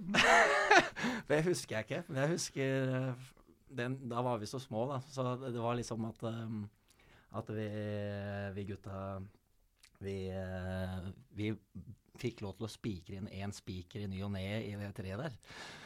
Så fant Det var jo noen som fant ut av dette her, da, vet du. Og da Jeg tror jeg aldri har fått så mye kjeft før. I hvert fall på ganske lang tid. Vi var veldig flaue begge to. Det var jo da selvfølgelig kameraten min som hadde sladra til faren sin og sa at vi hadde malt veggene i, i, hytta, da. Så da måtte de eh, vaske den hytta. var, det sånn, var, det, var, det sånn, han sa det? Vi har malt veggene i hytta? Ja, jeg tror det. Altså, vi var kanskje fire-fem år gamle. Jeg husker ikke. Men det er altså, Det er faktisk helt drøyt. Jeg skjønner ikke hvor, hvor, hvor er det som skjer, liksom. Men ble det fint, eller? Altså, hvem veit, altså. Det er, eh, det er faktisk um, Det husker jeg ikke. Altså, jeg husker litt av det, men vi trenger liksom ikke å gå inn på detaljene her. Eh, og grunnen til at jeg husker det, er jo fordi at jeg fikk så jævlig kjeft. Men det skjønner jeg godt òg. Ja. Det var jo sånn dette starta for to år siden, at uh, du oss hadde både én og to historier hvor, som var fra barndommen, og som endte med at du fikk kjeft. Ja, det har jo ikke blitt noe bedre, skjønner jeg. Nei, men ingen kjefta på deg i Bodø. Nei. Eh, men det kan godt være at noen kjefter på meg for at jeg forteller det. Heldigvis er det ikke en kjeft som hører på. Uh, I hvert fall ikke Fotballforbundet. I hvert fall ikke nå lenger. Og pga. den seansen her, så nærmer vi oss to timer. Hvis du fortsatt hører på, så er det din egen feil. Ja, da, da trenger du faktisk mer hjelp enn det noen av oss rundt bordet gjør. Um, kom gjerne med Din de, deres beste avføringshistorier i um, review-feltet på iTunes. I og med at jeg hater Apple, så syns jeg bæsj uh, er eh, like bra som noe uh, der. Uh, dersom du ikke vil det, så kan du godt legge igjen en review uansett, og gjerne med en kommentar til om hva som er bra og hva som ikke er bra, og hvorfor vi burde slutte å invitere Bjørnar Posse Sambo. Faen, er jeg blitt invitert på noe? Det var det Joakim Bjørklund sa også. Gå ned til telefonen din. ja. Nei, nå, nå, nå slutter vi. Nå, nå, det har gått for langt. Jeg går og lærer litt mer om balkongplanter. Gjør det. Og du, Truls, ikke mer maling på det.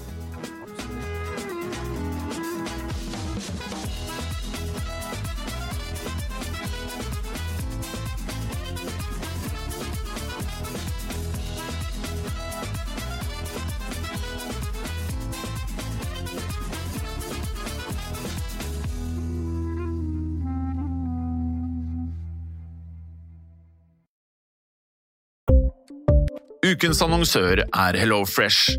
HelloFresh er verdens ledende matkasseleverandør og kan være redningen i en travel hverdag. Mange av oss har nok vandret i butikken både sultne og uten en plan for middagen, som ender med at vi går for de samme kjedelige rettene gang på gang. Middag burde være dagens høydepunkt. Som HelloFresh kan du nå velge mellom 25 ulike retter hver eneste uke, eller få HelloFresh til å sette sammen menyen for deg. Dette gir deg muligheten til å prøve nye og spennende retter alene eller sammen med familien. Du velger antall porsjoner og får alt levert på døren på et tidspunkt som passer for deg. Oppskriftene er enkle, og maten er lett å lage både for store og for små. Ved å få alt levert hjem får du også mer tid til å dele matgleden med familie og venner. Kanskje det frister med asiatiske tacos eller greskinspirert kylling? Da kan jeg anbefale deg om å gå inn på hellofresh.no. Her kan du bruke koden FOTBALL og få opptil 1779 kroner i rabatt på de første fem matkastene hvis du ikke har prøvd HelloFresh tidligere. Du kan også bruke rabatten hvis du har vært kunde og stoppet abonnementet ditt for tolv måneder siden eller lengre. Gå inn på hellofresh.no og bruk koden FOTBALL. Har du et enkeltpersonforetak eller en liten bedrift? Da er du sikkert lei av å høre meg snakke om hvor enkelt det er med kvitteringer og bilag i fiken, så vi eh, gir oss her, vi. Fordi vi liker enkelt. Fiken superenkelt regnskap.